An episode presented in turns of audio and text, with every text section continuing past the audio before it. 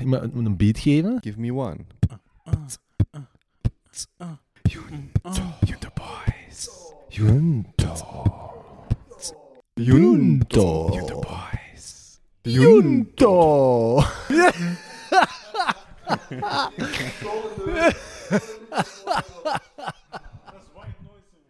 Oké, gaan we beginnen voordat onze harde schijf het begeeft. Ja. Klinkt goed. Benjamin is de unsung hero tot nu.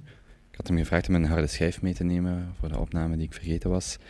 Ik dacht meteen aan SSD, dus Benjamin kwam binnen met zijn oude SATA harde schijf, die ik u wel aanraad om te veranderen, want ehm, eh, die gaat kapot gaan. Als je, daar, als je dat laat vallen of je legt daar een magneet op of een ding, dat kan echt heel snel kapot gaan. Is het geen SSD? Nee, dat is geen SSD. Dat is echt een oude SATA-schijf. Maar door die mee te pakken, dacht ik ineens: Wauw. wauw, ik heb ook twee SATA-schijven hier liggen, waar ik totaal niet aan had gedacht, omdat ik dacht dat die schrijfsnelheid te, te laag was. En daarom ben ik nu de mijne aan het gebruiken, want de kans is reëel dat dat ding oververhit. En dan gebruik ik liever die van mij dan die van u. Maar het idee om een SATA-schijf te gebruiken is eigenlijk echt wel best goed. Tenzij dat die zelfs kapot gemaakt is. Dan is het een minder goed idee. Oké, dus moet eigenlijk een nieuwe harde schijf kopen. Als ik u was, zou ik wel een Mm, SSD kopen, want dat gaat sowieso kapot gaan. Dat. Ja, dat is mijn, dat is mijn backup dus. Ja, ik zou dat, tenzij dat echt zo low-key backup is. Of als je een backup voor de backup hebt, dan, want ik heb twee van die SATA-schijven, dus backup voor de backup, dat is oké. Maar eh, En in de cloud. Het, ja, het zit ook in de cloud, hè? Oké, ja. maar eh, bon, ja, dat is denk ik niet zo interessant voor de Jawel, jawel, jawel. Even Ja? een kleine inzicht in de technische achtergrond van hoe dat deze podcast gemaakt Oké, wordt. oké, oké, oké. En ik ga ook gewoon even het moment claimen per, per, per public service announcement. Als je hierop luistert op iOS, stop met luisteren, update uw toestel. Er zijn twee zero-day exploits. Deze week gepatcht. dacht al, er gaat dit Doe over. het meteen update your En wat zijn de exploits, weet je dat? Eh, ik dacht nog van, hmm, misschien moet ik het gewoon opschrijven wat de exploits zijn, maar Ja. ik dacht dat gaat ons te Maar ver of wat kunnen ze doen, dat weet je niet. Altijd gewoon auto-updaten, hè. Come on. Ja. wat is een zero day, 2022. zero day update? Een zero-day exploit is een exploit. Ja, Jonas weet eigenlijk beter. Nee, exact zoals Koben het zegt. Dat, eh, dus dat is het aantal dagen dat ze al weten dat er iets fout zit in die, in die code. Dus zero day wil gewoon zeggen dat is nog maar net geweten dat er iets mis is met dat programma. Je moet nu updaten, want nu weet iedereen plotseling dat er iets mis is. Het is eigenlijk een zero day totdat andere mensen ook weten dat er iets fout is. Dus als alleen jij weet dat er Mhm. iets mis is met die code, dan is het nog een zero day. En vanaf dat dat op het internet staat, kan plotseling iedereen sjoemelen met ja, Mm. whatever er fout is. En dan heb je Er is een goede post day. van eh, Coinbase, een postmortem op een eh, inbraakpoging. En daar wordt het door het security team uitgelegd dat de hacker die eh, een stukje social engineering deed, maar ook een zero-day exploit gekocht had, eh, aangekocht had, of de kennis ervan aangekocht had, om toegang te krijgen tot de toestellen van die mensen. En misschien iets anders wat mensen hebben gehoord is, er is eh, blijkbaar, wordt er op veel mensen afgeluisterd, ook eh, hoge eh, ministers en dergelijke, Mark Rutte is in het nieuws geweest een paar maanden geleden. En dan wordt dat vaak gelinkt aan die Israëlische partij Mm. Pegasus. En dat zijn types van die dingen die via zero-day exploits geïnstalleerd of geïnitieerd worden, waar dat je zelfs niet meer op een... Iedereen kent van klik niet op een link of bijlage die je niet kent. Dit zijn exploits waarbij je eigenlijk gewoon malware op iemand zijn gsm kunt installeren, zonder dat hij zelfs ergens op heeft geklikt. Dat soort dingen. Dus update your devices. Update. Oké, want we Altijd gaan, hier, eh, we gaan hier heel snel, heel technisch. Ja, ik vind dat wel, ik vind dat wel even goed, want het kan wel het eh, leven redden van uw digitale, eh, ja, uw digitaal leven. En tegenwoordig is dat niet, eh niet, onbelangrijk, dat is waar. Boys, hoe is het ermee? Alles kids? Wacht, hebben we niet housekeeping? Ja, Ja, juist. waren housekeeping. puntjes. Ja, ja, oh, ik ben helemaal in de war. Fietsen erdoor. Ja, ja, ja, ja, maar gewoon, ik dacht even de energie zo wat terug. Hè? iets, Even meer, hype. iets meer hype. Energie Ja. is hier vooral heel muf van de warmte en van Ja, het tapijt. Klef. Kleffe Ja. boel. Niet veel airco. Nee, het is niet goed, die staat thuis. Alright. ehm, de aflevering eh, 72 weer al. Even erbij zeggen, voor de mensen die kijken, eh, we doen dit op goed geluk vanwege de SATA. Ik weet niet of ik dat expliciet gezegd had. Sorry, Benjamin. Ja, dus eh, als je wilt kijken. Ja, tot nu toe hebben we nog beeld, maar het kan echt elk moment uitvallen. Nobody knows wat er gaat gebeuren. Ja. Anyway. Dus voor de YouTube-kijkers, we hopen dat jullie morgen beeld hebben, maar we kunnen niks garanderen. Wel een kleine time warp. De kijker die nu luistert, of aan het kijken is, die weet eigenlijk Of al het gelukt is of het gelukt is of niet. Ik vind dat wel cool, hè? Eh, ik ben iets, een boek van Carlo Rovelli over Time gelezen door Benedict Cumberbatch Oeh. op Audible aan het luisteren. Dat is echt heel goed. Dat klinkt wel Dus heel goed. Wat. Zo die Britse accenten, dat doet me toch altijd. Vooral met de epische stem van een Benedict. Ik, eh, inderdaad. Ja. Die en eh, Stephen Fry, die leest Ja. ook Ja, ja, ja. goed voor. En Sasha Grey. Dat is een... heeft wel niet dat Brits accent, maar inderdaad wel plezant. Heeft Sasha Grey ooit au- audio Oh ja, dat staat op YouTube zelfs. Dat meen je niet. Ja. Oh god. Alright. ehm, Daar gaat Benjamin zijn search. eh, aflevering 72, nog 28 afleveringen, namelijk 100 gedaan.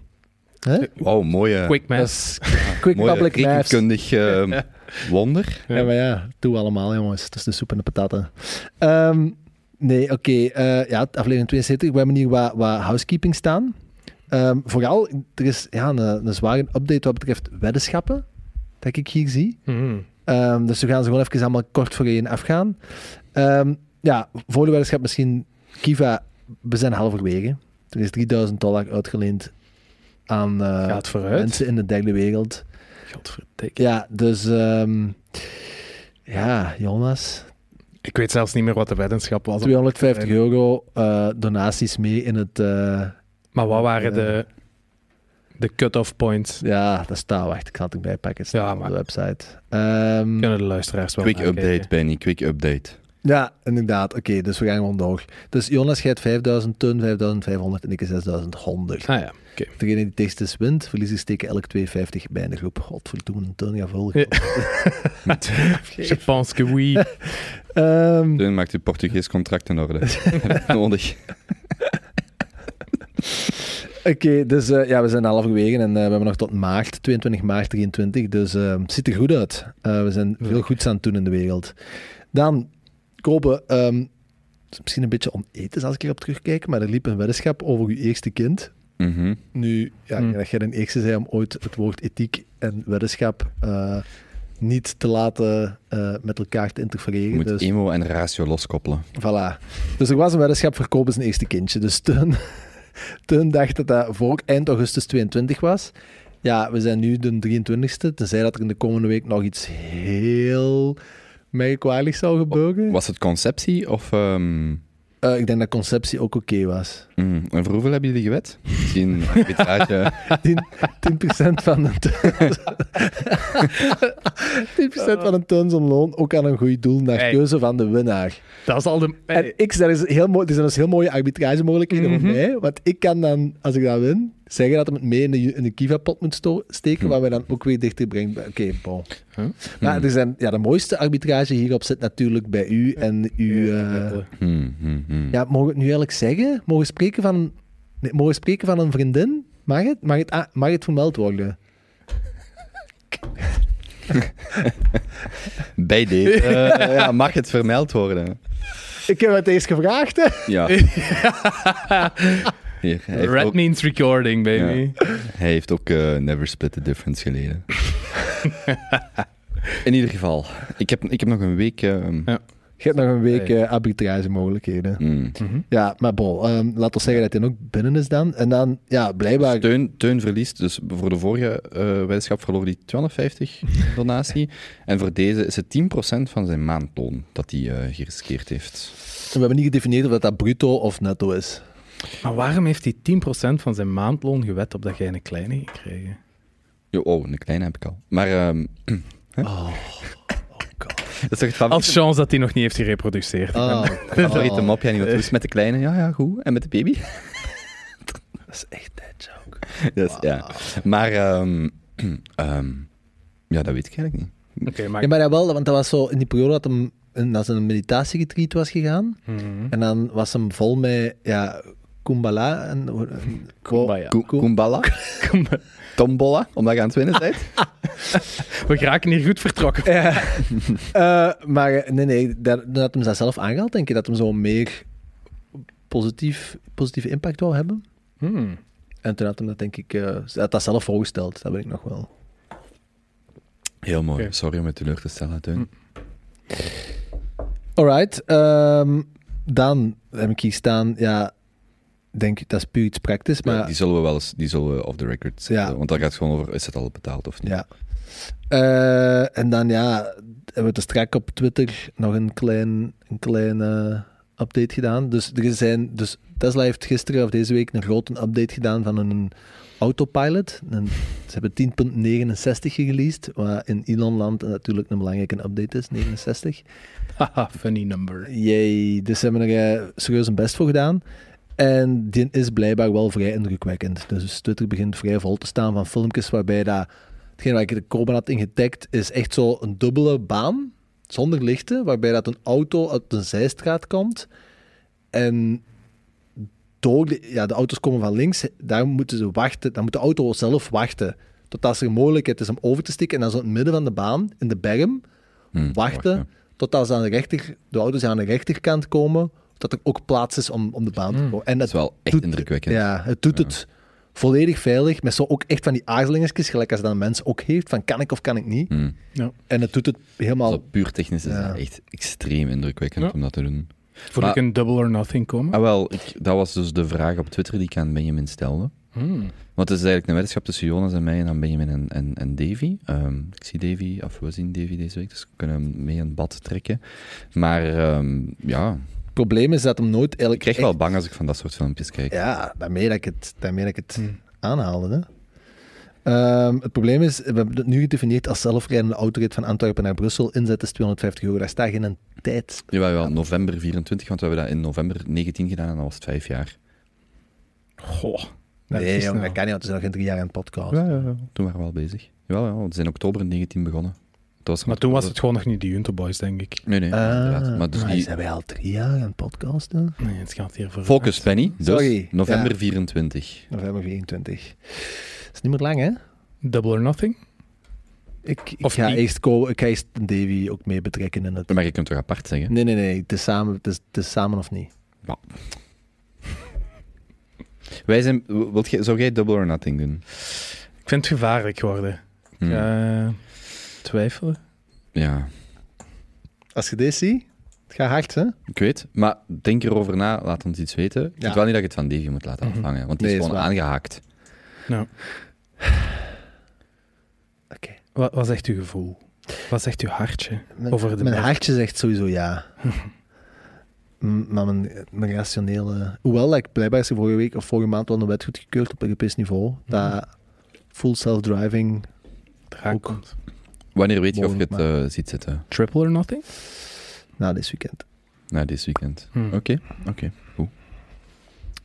Oké, en dan zie ik hier nog ehm, eh, like, subscribe. Dat is altijd uw segment te komen.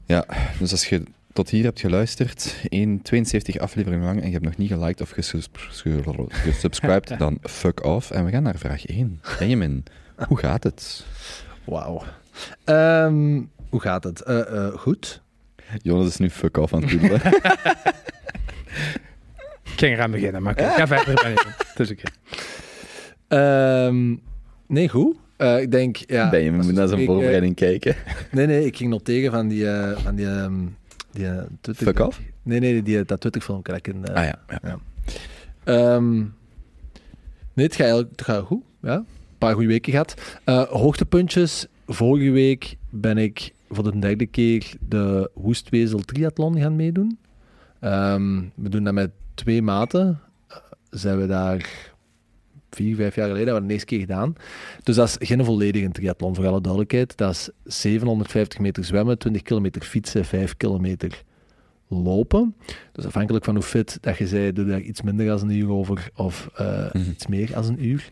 Maar eh, op max anderhalf uur zit er vanaf. En Maar wacht, 20 kilometer fietsen? Ja. Maar om 20 kilometer te fietsen, hard fietsen, mhm. zit je toch wel 40 minuten bezig? ja, het zwemmen. Want hoe doe je dan minder Ik heb het een zwemmen op 17 minuten gedaan, de eerste op 9. Ja. En, En dan, fietsen dan? fietsen heb ik een dikke 40 minuten, of een dikke 30 minuten, 39 minuten ongeveer. Mai, Dat is wel hard, hè? stevig. Dat is 30 kilometer gemiddeld. Ja. Dat is hard, hè? Maar op een koersfiets, op het Op vlak. koersfiets, uiteraard. Op En wel vlak. Ja. En op een afgezette weg, hè. En op het vlak. En ja, vlak. ja, Oké, oké. ja. Eh, ja. Dus 40 minuten, ja. Ja, en dan lopen. En ik had En was dat 20 minuten? Iets onder 20 minuten? 5 kilometer? zoiets. Dat is ook hard, hè? Ja, maar als je al en gezwommen... Ja, ja, alles En dan nog- is, is heel stevig. Ja, die eerste Mooi. die komen daar binnen op minder dan 50 minuten. Hè? Dat is zot, ja. Dat is wel Dat hard. is echt crazy. Oké, maar je hebt het wel... Want jullie hebben dat in groep gedaan. Iedereen heeft wel... Heeft het uit kunnen lopen. Ja, ja, ja. En voor mij is het dan ook altijd een ere-kwestie dat ik van de drie maten als eerst wil zijn.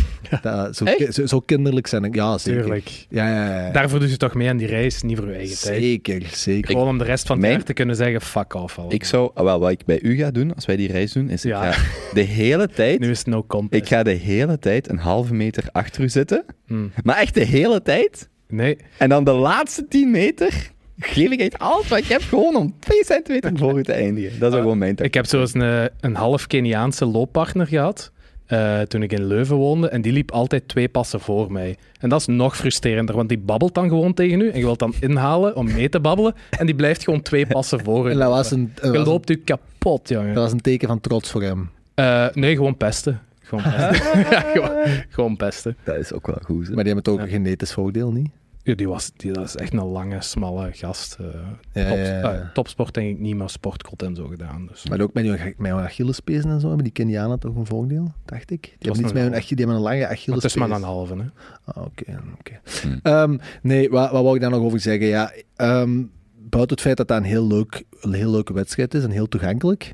ehm, het, zo, het plezier, en dat heb ik daar weer gemerkt, het plezier van samen met vrienden afzien, is echt zalig. En ik denk dat dat ook sowieso iets meer nog een mannelijk ding is. Ehm, ik denk dat dat evolutionair, ja, eh, samen gaan jagen of weet ik veel wat, of samen moeten gaan vechten, maar dat creëert ook echt zo die hele hechte ehm, vriendschappen. Of, Mhm. en, en ja, dat is echt, merkt ook, ja, je wordt wel ouder, je gaat niet meer elk weekend op de lappen, maar je wilt nog wel samen gewoon dingen doen. En dat is zoiets is wel, merk ik nu, ja, dat is een heel leuk alternatief om bijvoorbeeld samen hard te gaan zuipen, hard te gaan sporten. Dat zal wel. Mhm. Maar hebben jullie dan ook samen getraind? Of was het echt alleen de wedstrijd samen? Nee, nee we hebben niet samen getraind.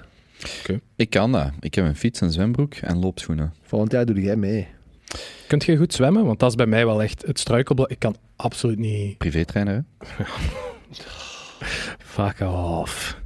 Maar er is wel een verschil tussen een zwembad en open zee. Allee, of open water. Ja, of in een rivier of eh, iets met stroming. Ik heb wel lang zo gezwommen, zo om die, eh wat is dat, 0 to 1 mile. Allee, dat is echt een goede post. In zes weken van 0 naar 7,50 en dan van 7,50 naar 1 mijl. Mhm. Of naar, ja, naar één- eh, 1,5 kilometer. Ja. En dan zo een paar... Ja, dat brevet heb ik nog juist, denk ik. Dat is wel goed, hè? Ja, ja, zo echt Ja. gaan zwemmen om te zwemmen, dat is echt wel goed. Maar zwemmen is de meest fantastische sport, hè. Het is alleen ellendig saai. Mhm. Weet je wat de meest fantastische sport is? Vrijen. De liefde bedrijven. Ik kan er wel no- naadloos op inpikken op een verhaaltje daar. Niet op dat Of noodloos. Gewoon naadloos en noodloos. Eh, in datzelfde weekend ehm, ben ik ook met wat kameraden gaan sporten. Nee, niet van die sport. Maar Mhm. eh, we zijn gaan bikepacken twee weekends geleden. Eh, vier, vijf keer gestorven en bijna dood geweest. Eh, dus voor mij was het een Oh. stressje.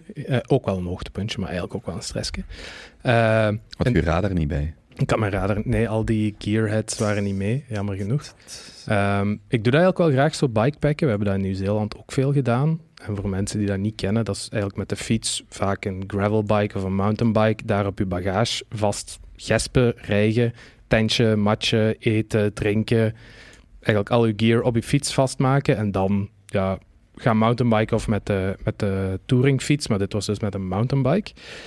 Maar de motherfucker die dat, da- de beginnerroute genoemd heeft, die ga ik nog vinden. Ze. Want dat was heel fijn met die groep vrienden. Dat was dat weekend van de hittegolf. Je zult het ook wel gevoeld hebben dan. Dus dat is 30, 32 graden iedere dag.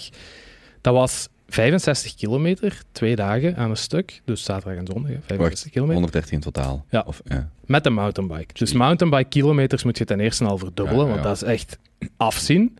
En die gast zegt heel serieus in het begin, en dat is zo, die heeft eh, zo'n Belgisch-Nederlands accent zoals de Maarten, zo. Een beetje zo dan Neder- Maarten is dan nog gewoon full Dutch. Ja, maar je hoort er wel iets Belgisch in, vind ik. Ja, Of- ja, ja. Oké, ofwel was het een full Dutch accent, in ieder geval op dat manier. Oh, jullie gaan de Chili Willy route doen.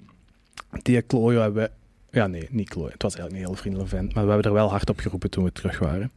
Eh, door beginnen fietsen. Daar zaten hellingen in van 18% omhoog. Hmm. Met de fiets. Wat? Dat gaat niet met de fiets. Dus we zijn allemaal moeten afspringen. Dat was op de grens van Frankrijk en België. En dat is letterlijk een berg. Ja, want ja, je kiest natuurlijke landmarks om je grens over te maken.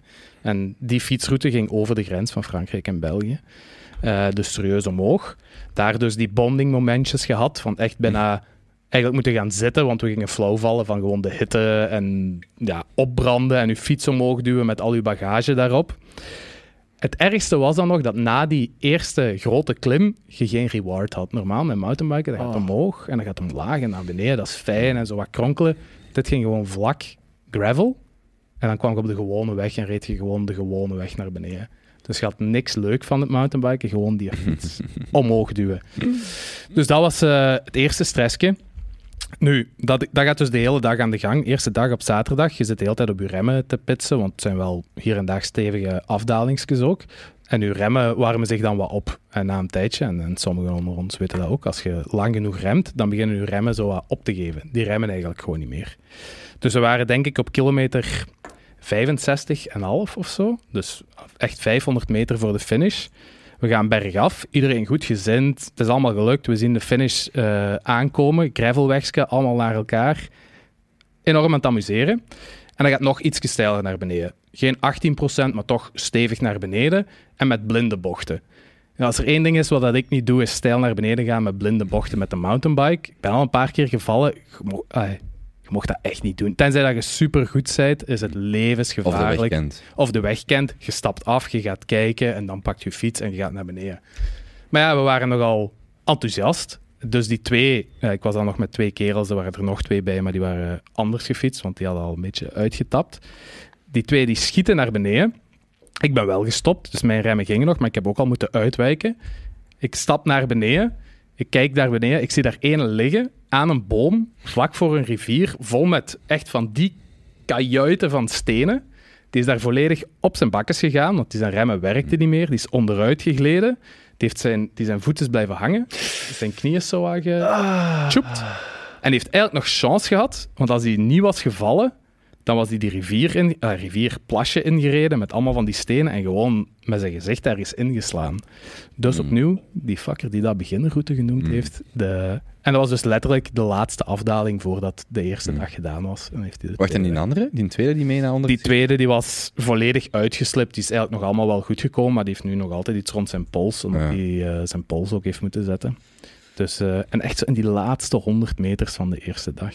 Ah. Eh, En dan gestopt? Of Die in ene is wel moeten stoppen, maar wij hebben uiteindelijk de tweede dag Ja. nog verder gedaan. Eh, de Chili Willy route 2? ja, Jesus fucking Christ. Eh, dus ja, pro tip, pak geen blinde afdalingen met je mountainbike die te stijl zijn voor je eigen kunnen, want eh, dat komt niet goed. En zeker niet op het einde van de dag als je remmen al erdoor Ik zitten. voel een uh, Junto Boys bikepacking weekendje Oh. aankomen. Ik vind dat wel heel tof, hè? als je een ja. goede route hebt. Hè? Dit was echt geen goeie... Het was heel leuk met die vriendengroep, hè? zoals jij zegt. Je ziet samen af met u allen en een beetje quesadillas maken over de middag is wel Mhm. leuk. Maar als je zo'n goede route hebt van pak een paar kilometer minder, is dat wel heel leuk. En heb jij in een tent geslapen? Ja.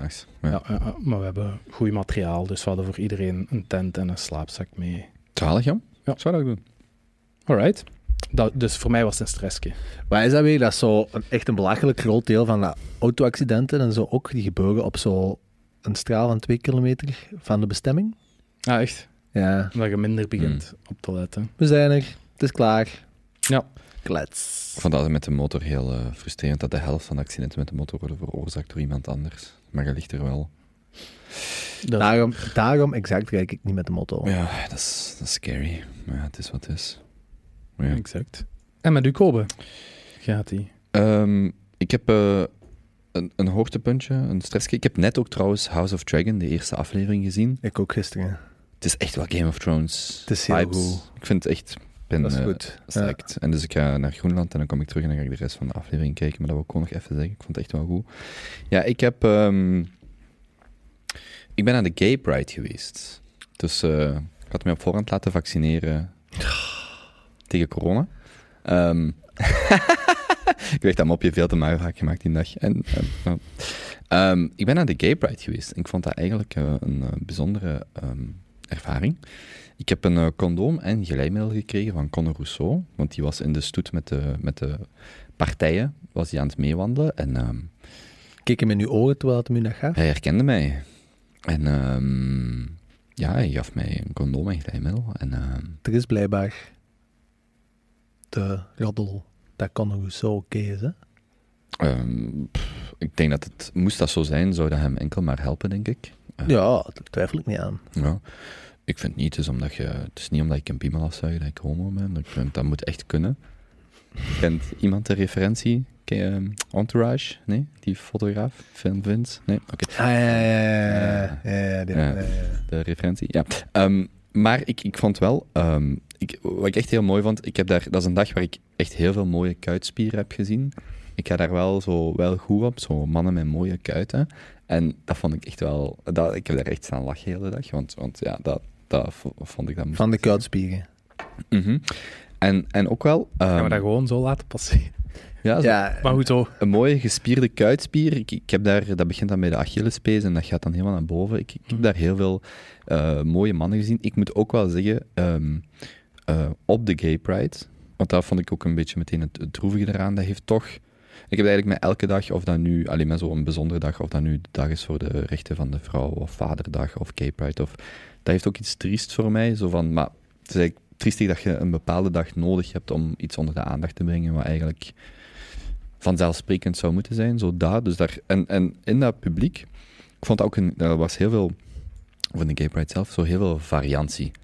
Zo, als je daar een doorsnee maakt van de mensen die daaraan deelnemen, dus dan heb ik het specifiek over de Gay Pride, niet de deelnemers eh, specifiek, ja, is gewoon heel veel variantie. Dus je ziet daar ofwel het, het contrast tussen de mensen die bijvoorbeeld het verste weg van opgemaakt eh, zijn, eh, mooie kleren, die daar gewoon een blote pens rondwandelen, en dan de mannen die zeven lagen schmink op hebben als drag queen of, of de...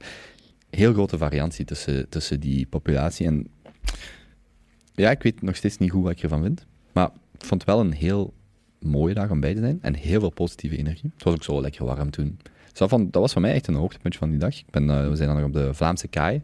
Eh, nee, sorry. eh, op de kaai was er dan nog, waren er, stonden er nog twee, ehm, twee eh, podia. Zijn we nog een dansje gaan placeren. En ik zweer het, kent je zo wanneer je op een feestje bent en je wandelt door een publiek en je, om eh, aan te geven dat je eraan komt, leg je zo je hand op, eh, allee, tegen iemand, zodat hij aan de kant gaat. Heel die avond lang leg ik dus mijn hand op eh, de persoon voor me waar ik door wil. En heel die avond lang voel ik zo'n hand zo gaan. Je moet omschrijven wat je doet, hè? Ook Ja, vooral omdat jij dat ook zou doen. Ja, maar de grap is, ik ben dat dus ook beginnen doen. Ja, ja, voilà. Dus ja, wat ik omschrijf van, hè, dat, is dat, je, dat je in een publiek zit, je duwt mensen aan de kant, maar in plaats van dat mensen reageren van, ah, ik zet een stapje naar voren of naar achter, pakken die gewoon je hand vast en die wrijven zo over je lichaam. en ja, ik vond, dat, Genieten. ik vond dat wel heel grappig. Ik vond dat, ik vond dat echt heel grappig. Ehm, dus dat was, dat was zeker mijn, mijn hoogtepuntje. Ehm, mijn stressje van de week had er... Ik kan nog één ding over zeggen. Want Ik heb ook gehoord van een vriendin die dat zo wel wat mensen kent van, ehm, van, eh, van, die, van de gay scene in Antwerpen. Dat, ik vind het community aspect daar wel heel mooi aan. Dus die, dat is blijkbaar een week lang, hè, de Pride. Dus dat, dat begint het weekend ervoor eigenlijk, dan blijven we in het Rivierenhof. En dan is het eigenlijk heel de week feest met dan ja, eh, op zaterdag eh, het, grote, het grote spektakel.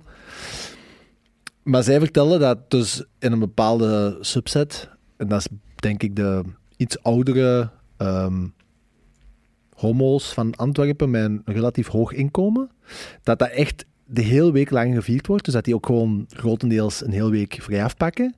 En dat dat echt elke ochtend of elke middag is er bij iemand anders, van de koppels dikwijls dan, ook brunch.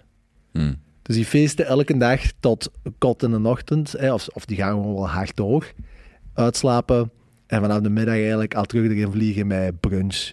Stevig. Dat is- maar dat is wel zo, dat dat zo, ja, dat ritueel erachter vind ik wel mooi Mm. of zo. Maar ik vond echt oprecht de energie dat daar hang, hing, heel die gay pride, ik vond dat echt heel tof. Heel veel positieve mensen. Maar dat, dat was dan ook zo, maar dat is ook gewoon mijn natuur, dat, om dat dan ook een beetje droevig te zien. Want dan denk ik, mij, hier hangt zo'n supergoeie energie en dat voelt precies zo, alsof dat, dat zo, dat is overdreven, hè, maar zo opgespaard is om dan tien dagen mocht je jezelf zijn zonder dat iemand er iets van zegt. Want hè, morgen word je weer voor vuile lesbienne uitgemaakt of zo, bij wijze van spreken. Maar ik vond, allee, maar en ik denk dat dat ervaring is van veel, allee, dat dat niet gemakkelijk is op, op veel vlakken. Maar ik vond dat wel echt, daar ging een heel positieve energie. Barca eh, was er ook bij. ja, die, eh, ja, uiteraard. Die zien we ineens meewandelen in die stoet. Eh, maar hij had het zelf niet door. Dus hij helemaal, hij zo, oh ja, ja, ja. Maar dat was, dat was dus helemaal het einde van, van, van, de, van de Pride zelf. Ehm, ik heb dan ook in de week daarna een SOA-test laten doen. Dat ging, geloof het of niet, Volledig ongerelateerd. dat ging, geloof het of niet, eh, niet aan elkaar verbonden. Ehm, ik kan wel een grapje maken over een vaccin, maar... ehm, maar ik moest de full Monty eh, SOA-test eh, laten doen, want... En eh, waarom? wel, als je... Ja, Jonas zit al lang in een relatie. Ah, oké. Dus in principe, als je maar één bedpartner hebt en Mhm. je doet een SOA-test, dan, ehm, ja, hè, dan zit je in principe vrij safe. Maar ja, Benjamin, iemand in uw situatie die niet in een vaste relatie zit. Ik zat u maar, Mhm. Wanneer is de laatste keer dat jij een SOA-test hebt gedaan? Een jaar geleden, denk ik. Een jaar geleden. Als jij bijvoorbeeld als man, kunt jij chlamydia geloof ik, en eh, voor de experts, ehm, of de, eh, de ervaringsdeskundigen, of de, de experts, de medische de experts, een ziekte zoals chlamydia, maar het kunnen er ook andere zijn, die kan perfect in je mond blijven. Dus jij eh, kunt daar, zeker als man, geloof ik dat chlamydia is. Syphilis en chlamydia, zei de huisarts, zijn in Antwerpen nu heel veel, of relatief veel aan het circuleren.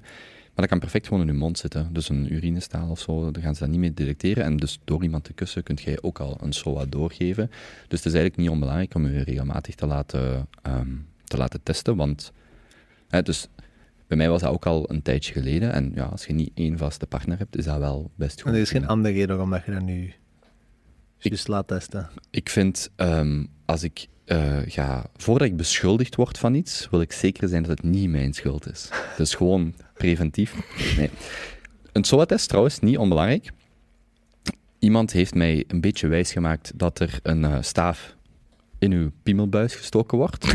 Wat? Dus, dus ik ga, dus ik ga naar de dokter. En ik wist wel, want ik heb nog een SOA-test eh, dan ook een tijd geleden gedaan. Ik wist dat dat 60 euro was. En hè, dus, dus een bloedonderzoek. Ehm, en dan, zowat. Dus ik kom bij de dokter en die zegt van, hè, eh, wat is de reden? En ik zeg, ja, dit is de reden. En die zegt, oké, dan zullen we u op alles testen. En we gaan drie onderzoeken moeten doen. Mhm. Dus ik zit daar al van, oh nee, ik ga hier sowieso een staaf in mijn piemel krijgen. Hè. Wie heeft dat gezegd? ja, Wie heeft u dat wijsgemaakt? Want dat is echt geniaal. Medisch, medisch personeel. Ik zal, het- ik zal het daarop houden. En, ehm, dus ik zit daar en die dokter zegt van, ja, dan gaan we, hè, als we de volledige test willen doen, hè, van, en de, de, de chlamydia, syphilis, gonorrea, eh, HIV vooral, dan gaan we drie testen doen. We gaan een bloedonderzoek doen, we gaan ehm, een urinestaal nemen en we gaan een staafje in uw keel steken. En ik echt zo, en dit is echt gebeurd, ik echt zo... Ah. En die dokter, alles oké, ik zo nu wel, jong. En ik zeg dat dus van, ja, er had iemand mij gezegd dat je staaf met een piemel ging krijgen. En die echt zo, my jong, dat deden we tien jaar geleden bij ons. Allee, dat deden we jaren geleden, omdat we tegenwoordig met de urine, staal, de testresultaten zijn zo specifiek dat je eigenlijk geen, hè, dus dat je ook via urine of bloed dan, eh, en via die keelwisser, eh, die dingen kunt opsporen. Dus ik echt zo...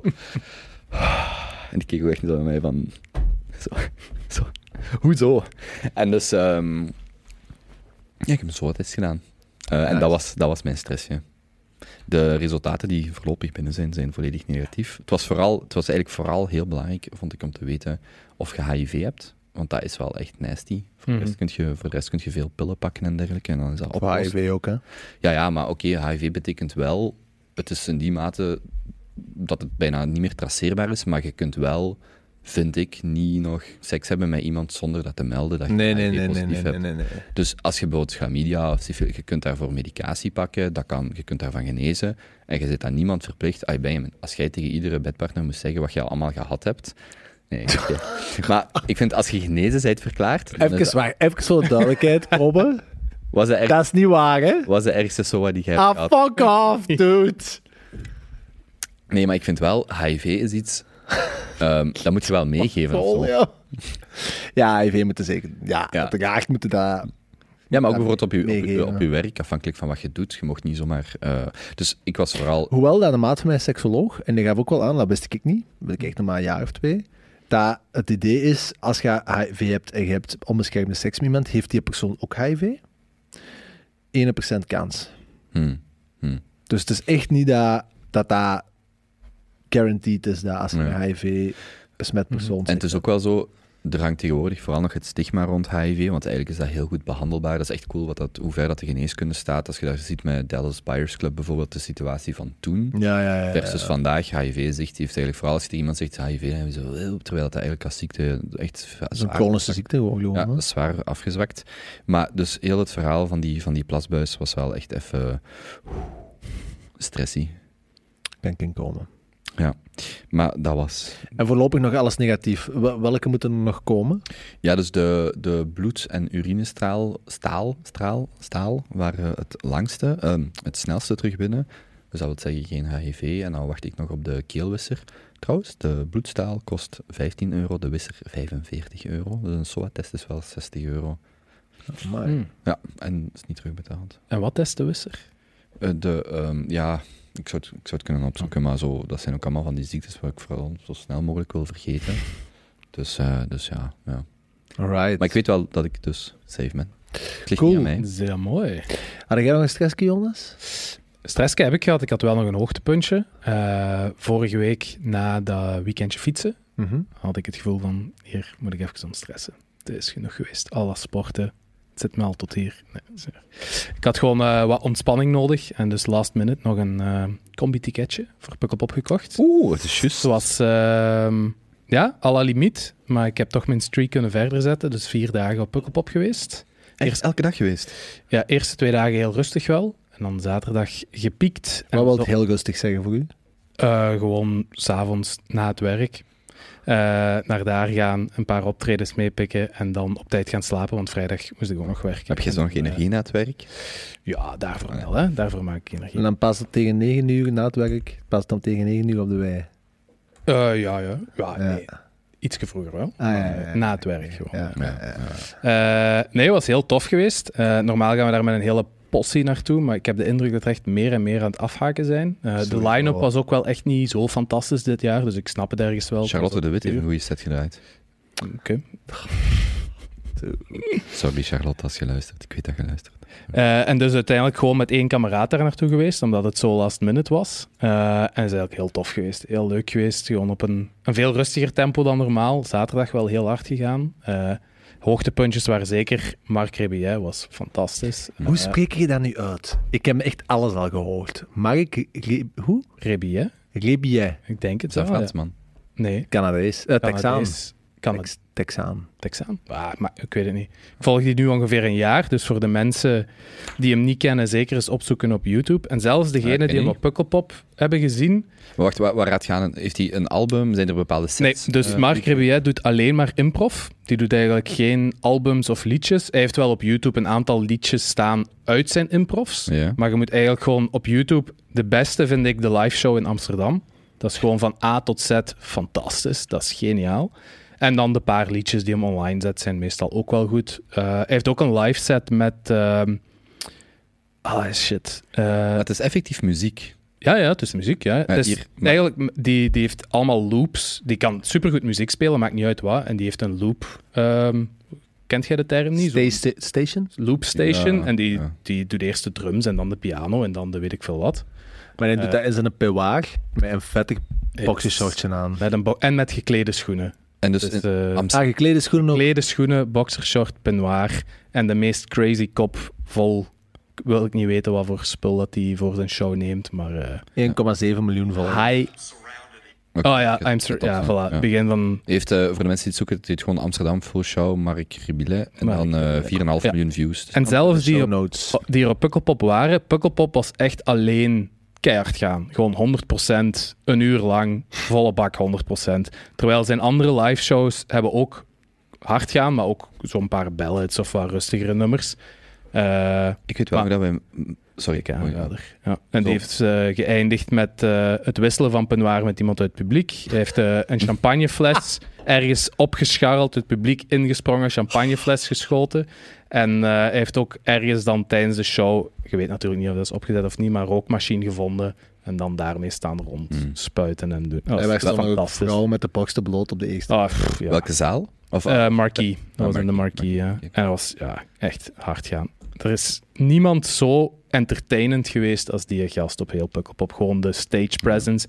En het grappige is dat hij dus drie jaar geleden werkte die bij, ik wilde zeggen Walmart of zo. Mm. En dan is hij zo filmpjes op YouTube beginnen zetten. En dan zo in een café gaan spelen. En nog pop- bekender en bekender. En nu drie jaar later, heb Pukkelpop. Heel cool. 1,7 miljoen volgers hè, Ja. op Instagram. Dat was dus mijn alarm voordat jij het geworden bent. De, die heeft eentje, en dat heet Wake Up. Dat is ook wel de moeite. om Heb je nu net gezegd dat ik nog steeds uw alarm ben? Eh, van één van de alarmen wel. Ik denk van die van eh, kwart na negen. Ik vond wel... Standaard. Ah, dat mij aan iets denken zo... Ik denk... Is dat 2009 of 11 geweest? Dat weet ik niet meer. Het jaar van Oelle Swimmingpool. Dat hem nou ja. Ja. zwembad... Ehm, Oh, maar... oh, oh. Kom, dat praat verder. donker. Maar... ehm, Why? Toen was Too Many DJ's op eh Pukkelpop. Mhm. En, ja, of was het onder? Nee, ik denk echt onder Too Many DJ's. En die komt zo, ja, dan vraag je je ook af in welke mate is dat doorgesproken, maar die van Studio Brussel, die madame is dan zo aan het zeggen van, ah, ja, Too Many DJ's, de volgende headliner afsluiten, bla bla. En die komen zo met een radiootje op, de, op, het, eh, het podium aangelopen. En ze spelen, dus door de speakers hoort je eigenlijk wat dat die van Studio Brussel aan het zeggen, zeggen is. En, eh, en die zegt dan zo, ja, en de set gaat beginnen. En met dat loopen die zo het woord beginnen. En dan komt hij dus echt in dat radio Ah, ja. en zo, de set gaat beginnen, beginnen, beginnen, beginnen. En dan, en dan je zit er echt zo naar te kijken en denkt Ja. van... Jongens, dat is echt zo geniaal. Want bijvoorbeeld wat een Daft Punk deed, vond ik toen ook al heel vet. Maar wat toen met die DJ's soms zo 10, 15 jaar geleden al deed, dat was echt zo... Oh ja, dat is echt heel cool. En als ik nu nog die oude sets van hem beluister, dat is zo vet wat dat die allemaal door elkaar deden. Hoor. Ik vond Maar dat- als je dat goed vindt, dan gaat hij ook... Die is begonnen letterlijk met Hello Pukkelpop en dan Pukkelpop. Pukkelpop Ja. En dan Ja. daar- daarmee begonnen en vijf minuten lang op Pukkelpop verder gegaan. Heel cool. Heel goed. En dan eh, nog drie andere namen. Pendulum, dat is mijn guilty Mm, pleasure. ja, ja, ik kan ja. er niet aan doen. Dat is zo'n normie die drum en bass. Ik ga iedere keer dat die in de buurt zijn, ga ik daar gewoon naartoe. Dat is Ah, ja. Allee, de enige mensen die daar zijn, zijn mensen die die goed vinden en nog altijd na zoveel jaar diezelfde liedjes goed vinden, die dat goesting hebben in hetzelfde feestje dat iedere keer is als die mannen spelen. Die liedjes zijn hetzelfde. De, de, tijdstippen waarop ze zo zeggen, ah, iedereen naar beneden, iedereen dat is altijd hetzelfde. Het is gewoon altijd hetzelfde. En ik weet dat het ja, normie, drum en bass is, maar ik geniet er gewoon van. Dat is ook hartje en zweten gewoon, hè. Ja. En copyright strike. Yay. Eh Arctic Monkeys is de obvious Mm. one. Ook allemaal kleppers gespeeld. Heel goed podium, maar heel droog altijd, die boys. En eh Borokov, zo, eh, ja, die zijn van Antwerpen. zijn die van Antwerpen? Ik dacht van. Gent. Ja, ja, kan. Die zijn van ergens en die spelen, spelen zo Balkan plaatjes gewoon op het festival zelf. Lander en Adriaan gezien? Nee. Dat is ook cool. Ik voel dus na de Junto Boys sportuitdaging, voel ik ook gewoon een Junto Boys oud eh, festival. Oeh, Dat vind ik ook Waar dat wij echt zo de oude vetzakken zijn, voor, eh, voor dertigers te zijn. En Pukkelpop valt daar wel onder. Mhm, zeker. Ik ben Kan ik voor. mij vinden. Goed. En dat was het hoogtepuntje. Had jij nog, eh jij had nog stressje? Ik had nog een stressje. Ik, ehm, ik vind het beangstigend om te zien hoe dat de natuur aan het reageren is op de droogte momenteel. Of. Ik, ik, ik, ik fietste. Ik reed deze, zo- deze zondag naar de zee. Ehm, Met de fam- fiets? Nee, de familie zat daar. Nee, met de auto. En ja, van Antwerpen hadden zo die vrij... Ja, die twee rijvakken baan naar de kust. snelweg. Mhm. Ja, het is niet echt een autosnelweg. Het is zo nog meer een... eh, ja, dat is niet, dat is niet echt autosnelweg. Maar je bedoelt het laatste stukje naar de kust. Nee, nee, nee, nee. Tussen Antwerpen en Gent. Nee, je hebt echt een baan. Als je naar Knokke rijdt van Antwerpen, dat is echt niet de klassieke autosnelweg. Anyway, maakt niet uit. Hmm. Alright. Ehm, en ehm, daar staan heel veel bomen langs die dat ze recent geplant hebben. En hoeveel van die nieuwe jonge boomjes dat er gewoon al dood zijn en er gewoon aan zijn voor de moeite op minder dan twee jaar tijd, dat is echt beangstigend. Want ik was daar aan het rijden en ik dacht, ja oké, maar wat wil dat dan zeggen? Kunnen we dan geen nieuwe boompjes meer planten op bepaalde stukken? Want ze hebben dat nu geprobeerd. Of andere bomen. Ja.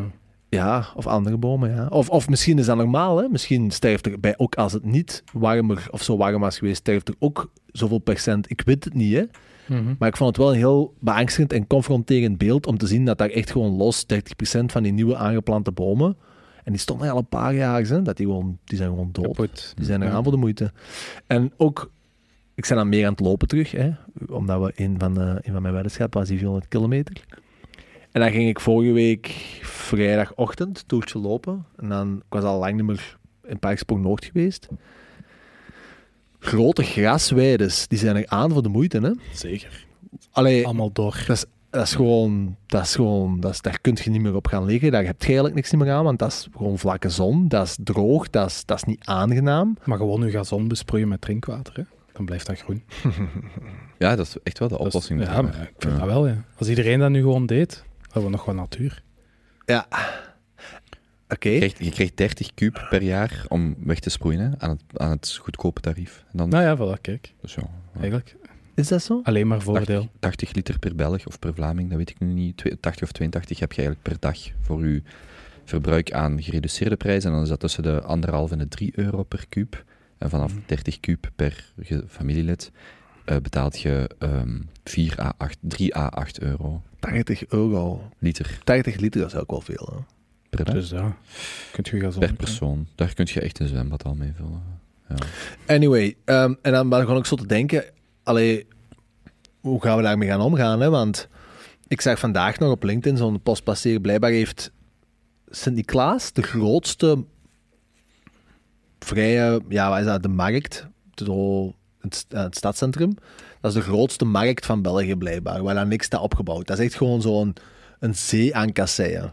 Ik wist dat niet, maar ik Hm. zag daar een foto van staan. En ja, die zitten de laatste jaren natuurlijk echt in de shit, want dat is gewoon een hitte-eiland tot en met. Ze kon tot 8 graden schelen als je in het midden van dat ding ging staan. Hm.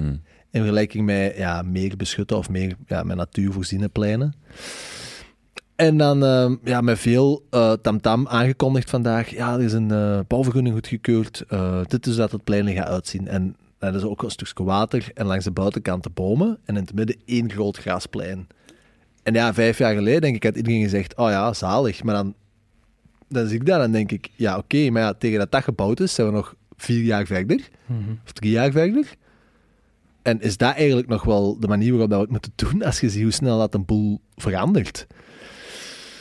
En zo zijn er veel dingen, hè, waar ik dan laatst, eh, als ik naar de zee aan het rijden was, ik overdacht van, jezus, ja, dat verandert toch allemaal wel snel. Hè. Het, is toch, allee, het voelt voor mij nu sneller als ik zelfs ooit had gedacht dat het zou gaan. En veel van die dingen waar dat wij gewoon niet over nadenken, beginnen er nu, begint nu problematisch te worden. Hè. Ik heb gehoord van, zonder namen te noemen, dat er bepaalde ontwikkelaars achter het Nieuw-Zuid echt gewoon rechtszaak na rechtszaak aan hun been hebben, omdat die grote torens... Triple living. Motherfucker, ja. Maar nee, dat is de enige die ik ken. Oké, ja, ik... eh, dat, Jij moet dat niet bevestigen, hè? Ja, ik weet, van, ik, weet, ik weet het niet wat... Jij weet van dat- niks. Ik weet niet wat zij het zijn, ik weet van niks. Ik, heb, ik, ik zeg alleen eh, dingen dat ik heb horen passeren. Allee, ik, ik weet zelfs niet dat ze waar zijn. Ik vind als je op het Nieuw-Zuid een gigantisch kantoor hebt, dat je daar units verkoopt. Mhm. Anyway, dus die eh, vragen, bouwaanvragen aan...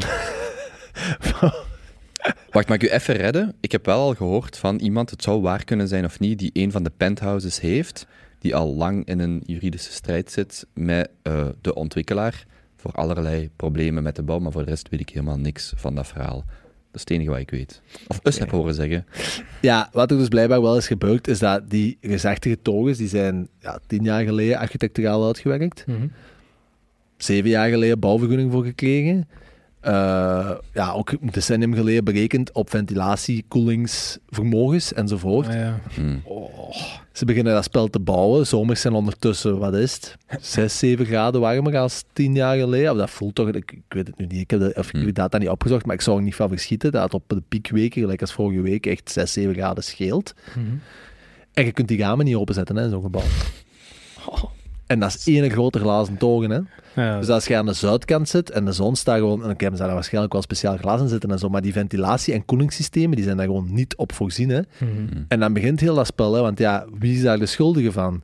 Je gaat naar je bureautechnieken, die zeggen, ja nee, we hebben de, de curves en de, de statistieken gebruikt die dat er toen waren. En, en ja, Hmm. hoe gaat dat, hoe, ja, wie is de schuldige? Dat, dat is volgens mij niet eens een... Dat is ook niet, met, dat is ook niet die ontwikkelaar of die, die ingenieur zijn schuld, hè? Allee, nee. Je kunt die dat mensen daar niet, maar er zijn wel...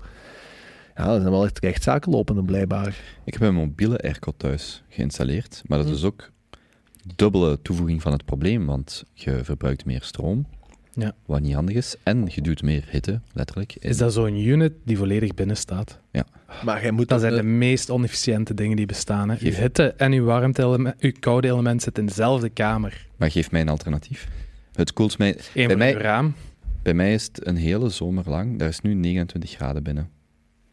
Want ik moet mijn ramen openzetten. Want het, en dus ook, ik woon ook boven een zonne, Ja, ja, ja. zonnebank. Ik snap die de hele, wilt. hele dag ook, zon, ook warme lucht naar buiten blaast. Dus dat helpt ook al niet. Ja. Het is constant bij mij 29 graden. Zeker niet. Hm. Dus Maar je buis, je, je laat die buis gewoon naar buiten gaan. ja, via het raam en zo afgekit. Maar dus eh, die airco maakt het verschil tussen slapen in 7, 28 graden of slapen in 24 graden. Dat is het enige wat dat ding doet. Mhm. En dat maakt voor mij, gevoelsmatig is al een gigantisch verschil, maar het is totaal inefficiënt. Het is ook een huurpand, hè. ik ga daar ook niet Mhm. iets, iets groters gaan installeren, of zeker niks. Ik, ze hebben mij hier een voorstel gedaan om hier een airco te hangen, 3500 euro. Ja, als ik iets huur, eh, dan ga ik dat niet doen. Maar, ja, allee. ja. Slapen is echt kut bij mij Ja. ook zo. Ah, ik slaap super slecht al heel de zomer. Ja, ja. Dat is ook het laatste, echt als ze mij de laatste zomer dat ik daar zit, want het is echt en, het is en het lawaai dat er ook nog eens bij komt, want ik moet de ramen ophouden. En die zonnebank, nu ja, dat, is, dat, dat heeft niet iedereen, maar het is echt gewoon veel te heet. Maar ik heb daar nog doen. toevallig twee interessante dingen over gehoord. Inderdaad, dat Europa absoluut, of de, onze landen niet voorbereid zijn op heel de airco-wave en Mhm. hype. Want dus inderdaad, die, die toestellen die zo volledig mobiel zijn, ik snap dat, ik zou dat ook kopen Mhm. natuurlijk, eh, dat die helemaal niet inefficiënt zijn. En in Amerika hebben ze al heel lang die units die je in je raam zet, zodat het warme gedeelte buiten is en het Mhm. koude gedeelte binnen. En al die systemen die wij hebben, dat ding staat gewoon in uw living. Dus dat is super onefficiënt, ook al leg je die buis naar buiten, Mhm. dat trekt op niks. Ja, En, Want de ja, warmte van uw motor geeft ook gewoon de warmte Ah, ja, ja, in de tuurlijk. ruimte. Ja. ja, ja, tuurlijk. Exact. Ehm, en ja, daar heb je echt zo... Maar ja, wij hebben die ramen dus niet, hè, want in Amerika schuiven alle ramen blijkbaar verticaal Mm. omhoog. En bij ons kiepen die. En met een kiep kun je daar... Ah, is dat daarom? Bij ik mij, weet niet wat er eerst was. bij mij hè. zit er zo'n kit bij, om dus, als je zo'n raam hebt, om dat mooi te installeren. Ja, maar voilà. niemand dat ik ken heeft zo'n schuifraam. Dus alle Amerikanen die hun ramen, die gaan zo omhoog. Ja. Die hebben geen kiep. Eh, Voor Amerikanen is zijn kiepramen dat zo'n luxe optie aan uw huis. Mm. Al de rest is gewoon zo, oep, Schuiven. schuiven omhoog en omlaag. Dat is eigenlijk veel beter. Ja, en het tweede, dat heb ik gisteren nog gehoord. Dat is zo ook een heel goed YouTube-kanaal. Ik ga dat zeker in de show notes zetten. Die gaat gewoon een uur af over een random technologisch object. Bijvoorbeeld dus airco's, warmtepompen, ehm, een broodrooster en van die dingen. En die zei nog dat een van de beste dingen die hij gedaan heeft, hij heeft nu al een huis en volledig verbouwd, goed geïsoleerd enzovoort, is omdat ook de elektriciteitsprijs een probleem wordt als je airco's begint aan te zetten Mhm. is om eigenlijk uw huis te gebruiken als een soort batterij, maar via de warmte. Dus die koelt zijn volledige huis 3 graden af onder de temperatuur die je eigenlijk wilt s'avonds aan een goedkoper tarief op elektriciteit. En dan blijft uw Maar huis via airco's. Of, via airco's, maar omdat de kost dan veel minder... Hij heeft dan zo'n Mm. appje, hè, waar je de kost van elektriciteit door de dag per uur kunt krijgen. Dus die koelt zijn huis af naar min 3, wat hem eigenlijk wil s'nachts, maar die slaapt graag koel. Eh, en overdag zet hij zijn airco gewoon niet aan. En dan gaat dat juist terug tot waar het aangenaam wonen is. En tegen dat donker is, zet hem zijn airco terug aan. En zo gebruikt hij zijn huismassa als een soort warmte of Mhm. koude batterij. Ik- wat wel heel vet is. ik, ik, is cool. ja? wat mij een Goeie heel idee. deze frustreert is zo, ik kan daar niks aan doen. Ik kan geen zonnepanelen Nee, installeren, ja, ik kan tuurlijk. geen airco doen, ik kan, Ja. ik kan geen warmtepomp steken, ik kan geen regenbekken maken, ik kan geen regenwater gebruiken voor mijn wc en heel die problematiek. Ehm, dat ik zo denk van, amai, moest ik nu een vrijstaand huis hebben of daar mooi, dan zou ik daar echt wel veel meer mee bezig zijn. Mhm. Maar dat frustreert, ja, dat is ook gewoon, dat is ook gewoon een stad wonen. hè. Je kunt daar heel weinig aan doen, maar ja, ja, ja. Ik luister nu zo elke ochtend. Ik, denk dat dat ook via u kwam, maar jij had dat dan via Jonas. FT News. Nee, die, die zeven van de tijd, elke ochtend. Ah, de ja. zeven. ja luistert daar. Ja, Ik vind dat echt goed. dat is de moeite. Heel, heel aangenaam. Ja. En deze ochtend hadden die het er ook over. ehm, omdat we toch over gro- groene technologieën bezig zijn. Ik vond dat echt opmerkelijk. 60% van de bedrijfswagens die dat laatste kwartaal zijn besteld, zijn elektrisch. Kijk goed, hè? Maar is ook- Producenten kunnen gewoon niet volgen, blijkbaar. Ja, maar die wet is ook, je mocht pas, je mocht vanaf 22, 24 of 25 enkel nog elektrische ehm, bedrijfswagens inschrijven. Maar dan is zo, en dat heb ik al een jaar geleden, en dat is ook een van de redenen, denk ik, waarom, dat je zo, waarom dat Tesla, Tesla zo hard is geknald het laatste paar jaar. Goedkoop geld. Eh, ook. Maar ook wel het feit van, ja, als die, hè, alle westerse landen beginnen dat soort van regelgeving. Mhm. Ik denk de meeste zetten rond 2030 geen fossiele brandstofwagens niet meer. Hm. Maar dat effect van die wetgeving gaat vijf jaar, vier à vijf jaar daarvoor echt in de markt gevoeld worden. Want als die wetgeving in 2030 het feit is, ja, de tweedehands of de verkoopwaarde, de verkoopwaarde van uw fossiele brandstofwagen, Hm. Ja, dan, moet je wel, dan nemen al die leasingmaatschappijen en al die bedrijven mee in rekening. En als ze weten van ja, 2030 is het eigenlijk, mag het niet meer of gaat het heel hard get- getaxeerd worden, noem maar op. Ja, dan ga je de verkoopwaarde van je wagen die dat je dan koopt, haal je gewoon helemaal onderuit. Hè. Mhm. En dat is dan, denk, dat is zo dat effect dat nu blijkbaar aan het gebeuren is. En waar er ook heel veel mensen zeggen van ja, die, die elektrische wagentransitie, daar, daar zitten we echt nu zo in het begin van een exponential. En Mm. dat dat echt Ja. loeihard gaat gaan de komende jaren. In theorie. En nu we daar toch over bezig zijn, als iemand nog een, eh, een business opportuniteitje zocht, nog iets wat ik gehoord heb of onlangs, is eh, samen met de heel elektrische revolutie is natuurlijk ook alle zonnepanelen. Hè, zijn heel fel opgekomen de afgelopen tien jaar, maar pak de laatste paar jaar nog veel meer. En nu zijn er, ik vergeet welke bron dat het is, maar er is een studie uitgekomen over wanneer dat, dat ons gaat raken in de, aan de afvalkant. Dus nu zijn al die zonnepanelen nieuw, maar binnen 10, 20 jaar ja, zijn die, is dat afval geworden, die gaan niet meer werken. En dat er momenteel geen strategie is om die te recycleren. Of geen goede strategie is om die te In recycleren. de En grond steken? Recycleert dat niet vanzelf? dat is het goedkoopste op dit moment. Dus dat, in de dat, is ook- gooien? dat is letterlijk wat ze doen op dit moment. Zijn zonnepanelen gaan gewoon naar de landfill. En Hmm. Dat geloof ik niet. Ja, waar gaan die anders naartoe? De volumes zijn nog niet hoog genoeg om... Wat zit daarin? Daar zit zilver in en daar zitten nog wat andere metalen in. Om dat optimaal te recycleren. Maar ze voorzien dus dat tegen 2030 dat het er wel gaat zijn. En dat je, als je nu ongeveer begint met zo'n recyclage-ding op te starten, dat je tegen 2040 een aantal ja, miljoenen, miljarden Ja. aan omzet kunt draaien. Dus eh, allee, waar- waarom ik denk dat ik daar, waarom dat ik een vraag stel, Hm? is omdat ik zag over laatst, en ik weet niet in hoeverre dat op de twee aan elkaar gelinkt zijn, maar het was een paar weken geleden, twee weken geleden was het kwartaalcijfers van Tesla. Mhm. En ik kijk altijd de presentatie, die maken ook altijd echt qua investor relations, het, het, ik zal ook mee in de show notes zetten, het kwartaalrapport van Tesla is echt, ja, best practice ehm, tot en met. Paul, ehm, in, de, in de keynote van eh, Elon was er een puntje over eh, vandaag, de battery packs in Tesla's worden vandaag al voor 95% gerecycleerd. En ze hebben één, ze hebben één installatie eh, in Amerika staan die dat, dat doet. En dat zijn er vandaag, hoeveel is het? Iets van een 50 per dag. Mhm. Omdat ja, inderdaad, de, de, de, de termijn van het gebruik van een battery pack is 10, 12 jaar. Dus dat is nu nog heel weinig. Maar de, blijkbaar is de economische waarde, puur grondstoffengewijs, wat erin zit, echt al veruit het waard om het nu al al te gaan recycleren. Vraag mij wel Maar dat zijn batterijen. Ja, zou ik kunnen, weet dus hè? niet wat de relatie is inderdaad met zonnepanelen, maar... en ook, je, ja. je hebt recycleren en recycleren. Hè? Zo, Yes. wa- want daar moet je ook wel mee oppassen. Van, eh, Ja, er staan nummertjes in die recyclage-icoontjes. Wist je dat? Kijk eens op dat kannetje. Dus er staan nummertjes van 1 tot 4 in de recyclage-icoontjes. En ik heb zo een paar podcasts terug gezegd dat China bepaalde plastieken niet meer recycleert en zo. En eigenlijk is het nu alleen nog de 1 of de 4 of zoiets die gerecycleerd worden. En al de rest mogen daar dan nog altijd op zetten, maar dat wordt helemaal niet gerecycleerd. hm, ja. Wordt gewoon naar de landfill gestuurd. Ja. Echt? Omdat het, ja, tegenwoordig... Maar ik had dat dat is kut. Ik was op dat festival in Barcelona twee maanden geleden en daar gebruikten ze dan zo'n eh, een concept van hernieuwbare bekers. Hm. Dat was eigenlijk echt schrijnend. Dus je betaalde dan een, een euro waarborg voor een beker.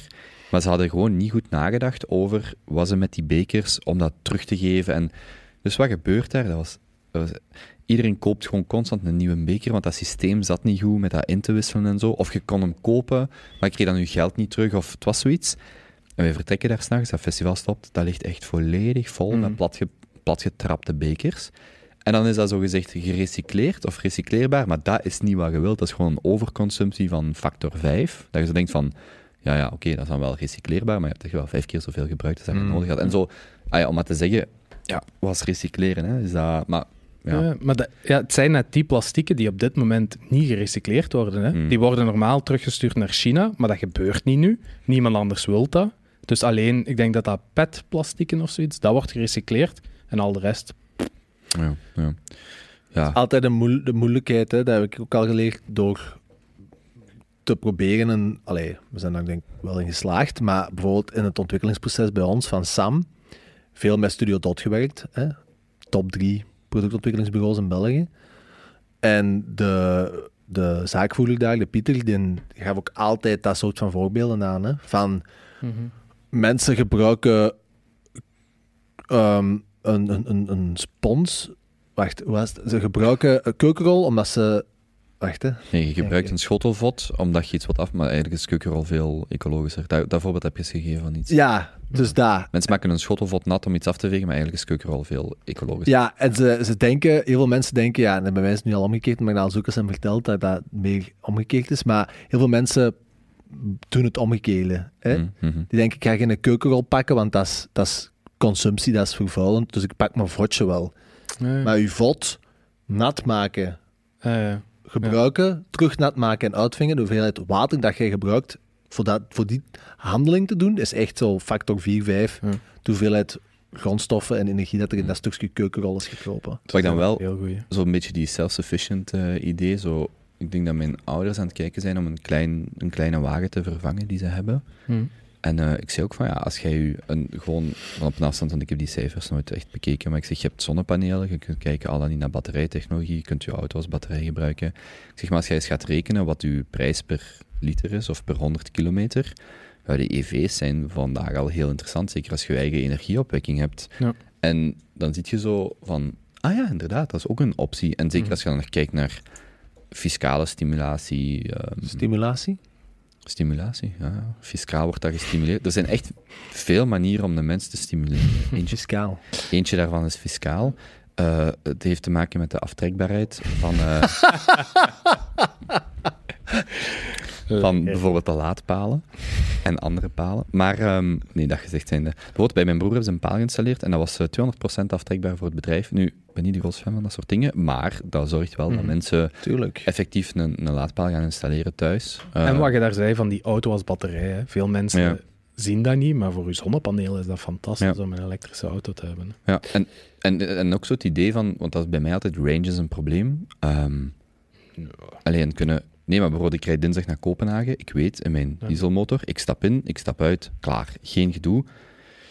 Files, allee, dat is gewoon, ik wil dat niet. Als ik gedoe wil, dan pak ik wel het vliegtuig en dat is de reden waarom ik de auto pak. Ehm, en, maar, allee, maar dat is een drog argument voor de gemiddelde mens die max 100 kilometer op een dag, allee, die max 100 kilometer tot een laadpaal of een, tot een overnachting komt in een hotel of whatever, zeker in België.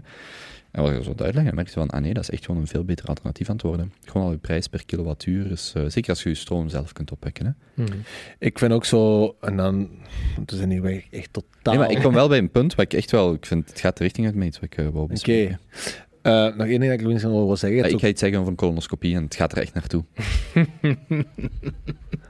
Ik ben heel benieuwd. Oh god. Je hebt zo, ken je Clean Mobility?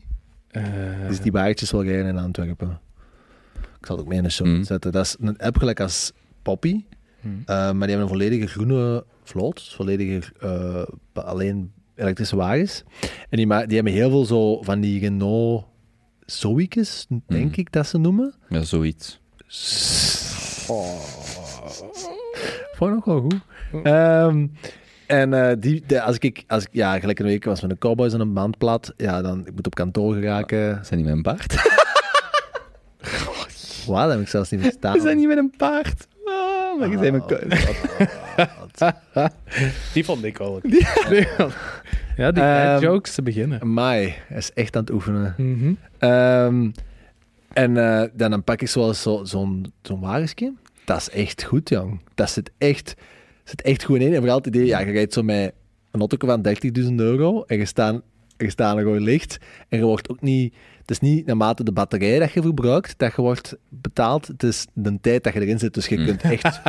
elk elk rode licht is echt volle, volle gas, hè, volle piep. Ja. En je rijdt gewoon... Je rijdt eigenlijk je rijdt alles Ja. eraf, hè. Ik denk dat er morgen een app-update aankomt. Ja. Dank, dank je bij je. Ik vind wel, en dat is, zo, dat is nog een, een nevendiscussie, ik vind dan wel veel van dat soort alternatieven, eh, green mobility of carsharing, dat werkt wel niet aan zo de, hoe heet het dan, de moda- modaliteitsshift. Dat je eigenlijk voor veel dingen gewoon een auto niet moet pakken. Zo dat soort dingen, daar werkt dat niet per se aan. En dat is zo wel... Ja, maar wel, het, het, denk wel dat er oudere mensen zijn in Antwerpen Centrum die aan een auto gewoon hebben verkocht en alleen nog met Ja. dat soort van dingen gebruiken. En dat is wel heel positief. Maar dat hè. valt bijvoorbeeld die case, weet ik, ik, ik weet niet, opnieuw, we kunnen het tussen aan een Moos vragen of iemand anders. De kritiek op Poppy was wel, gaat dat nu effectief wagens uit de stad halen van mensen die het nooit, die een wagen gaan wegdoen om op zo'n systeem te rekenen? Of pleuren we gewoon duizend auto's bij in Antwerpen? Waar dat eigenlijk geen, allee, zo, dat, die, die fundamentele discussie, en ik denk als je het gaat berekenen, dat, dat werkt gewoon niet bij aan die modaliteitsshift. Dat mensen anders moeten nadenken, inclusief ikzelf, over hoe dat je, waar je producten koopt, hoe ver je die van je huis koopt. Of bijvoorbeeld, je beter een Albert Heijn aan je deur laat leveren, al dan niet, dat weet ik niet. Wat is de voetafdruk van een grote winkel te hebben versus wat is de voetafdruk van een winkel? Terwijl eigenlijk eens je je merk weet, waarom moet je ook nog naar een winkel laten leveren? Ik had het gesprek dit, dit weekend. Bestel veel op Amazon. Het is heel moeilijk om in te schatten. Hmm. Maar dat zullen we wel met decennia, jaren en decennia zien. Maar intuïtief vraag ik mij af, al die ruimte die wij hebben, voor eigenlijk producten die je vaker koopt, lijkt mij ecologisch ook moeten interessantere alternatieven zijn. Dan betekent niet een bestelbusje dat leeg moet rondrijden door de stad. Maar dat is een beetje die, die, gewoon die modaliteitsdiscussie die dan... Je hebt een green mobility sowieso, zo gezegd, maar dan denk ik aan een elektrische fiets is voor veel mensen een veel beter alternatief dan een tweede auto te hebben, maar ze willen gewoon niet, wel nee, de fiets dat ga ik niet pakken, was maar zo heel dat concept. moeten eens naar Kessel ook komen dan. Is dat wel Ja, daar. Ja, ja. twee elektrische fietsen per persoon? Maar ik denk bijvoorbeeld, maar, eh, iemand in de familie is een, een goed voorbeeld. Die hebben, die hebben twee auto's. Eh, die hebben ondertussen een bakfiets gekregen en die zijn echt aan het zien om een van die auto's. Want, maar Mhm. je, je hebt al bijna de, de, de luxe nodig dat je dat toevallig in je loonpakket zo'n fiets kon krijgen. Ehm, maar als je die luxe niet hebt, dan zeg je gewoon ik hou twee auto's. Ik ga toch niet een bakfiets. Maar, dat, is, dat is een stukje wat ik bedoel met die Maar modaliteit. het is toch een heel vanzelfsprekend ding, denk ik, dat als ons services niet zouden bestaan, en je hebt bijvoorbeeld in Antwerpen tien jaar geleden twee grootverdieners, twee wagens, of, of zelfs vandaag en dag, en die, en die services zouden niet bestaan, dat die eh, omschakeling van elektrische fiets en zo'n backup van een clean mobility, dat dat wel de doorslag kan geven. Want dat ze dan wel weten van, als ik dan toch een auto zo nodig heb en mijn partner is ermee weg, kan ik gewoon via een app even een boeken en dan kan ik mijn ding gaan doen. Ik kan dat wel inbeelden. Mogelijks, maar beter is, oei, er is corona, moeten wij nog naar het werk? Hebben we een auto nodig om elke dag naar het werk te rijden? Misschien niet, we doen home office. En dat is een beetje wat ik bedoel, dat is dan een heel externe factor. Maar dat, het gewin van die ehm, mentaliteitsverandering is wel nog veel groter dan een elektrische fiets of green mobility. En dat is zo heel het ding waar ik heel vaak initiatieven zie dat ik denk, maar je zit niet de kern van het probleem echt aan het aanpakken. De, corona heeft volgens mij veel meer gedaan voor gereden kilometers per gezin of bespaarde euro's per gereden kilometer dan de Tesla zelfs of wat dan ook, want dat is aan zich een verbetering van de situatie, begrijp me niet verkeerd, maar dat is niet die gedragsverandering die je eigenlijk wel wilt. En home office, en dat, pas op, dat heeft ook weer externaliteiten, hè, home office. eh, ik wil dat niet... Maar dat is wel een externe eh, gedragsverandering die veel meer heeft gedaan dan al twintig jaar beleid over elektrische wagens, of zelfs die 2030 doelstellingen, bij wijze van spreken. En een duidelijker voorbeeld zijn de steps. Hè. Er is geen enkel netto voordeel geweest aan elektrische steps. Nee. Iedereen nam daarvoor de fiets en nu zijn er elektrische steps. Is dat zo? Ja, en veel afval. Ah, dat is mijn Ik weet dat niet. assumptie. Ja, want dat is zijn- dezelfde afstand, dezelfde snelheden. Ik denk echt dat we over vijf à tien jaar, als je nu ziet wat bij spoed binnenkomt, al gewoon aan, aan, aan echt zware blessures van steps, dus dat aspect, want daar praat nooit iemand over, maar dat is echt heel grellig.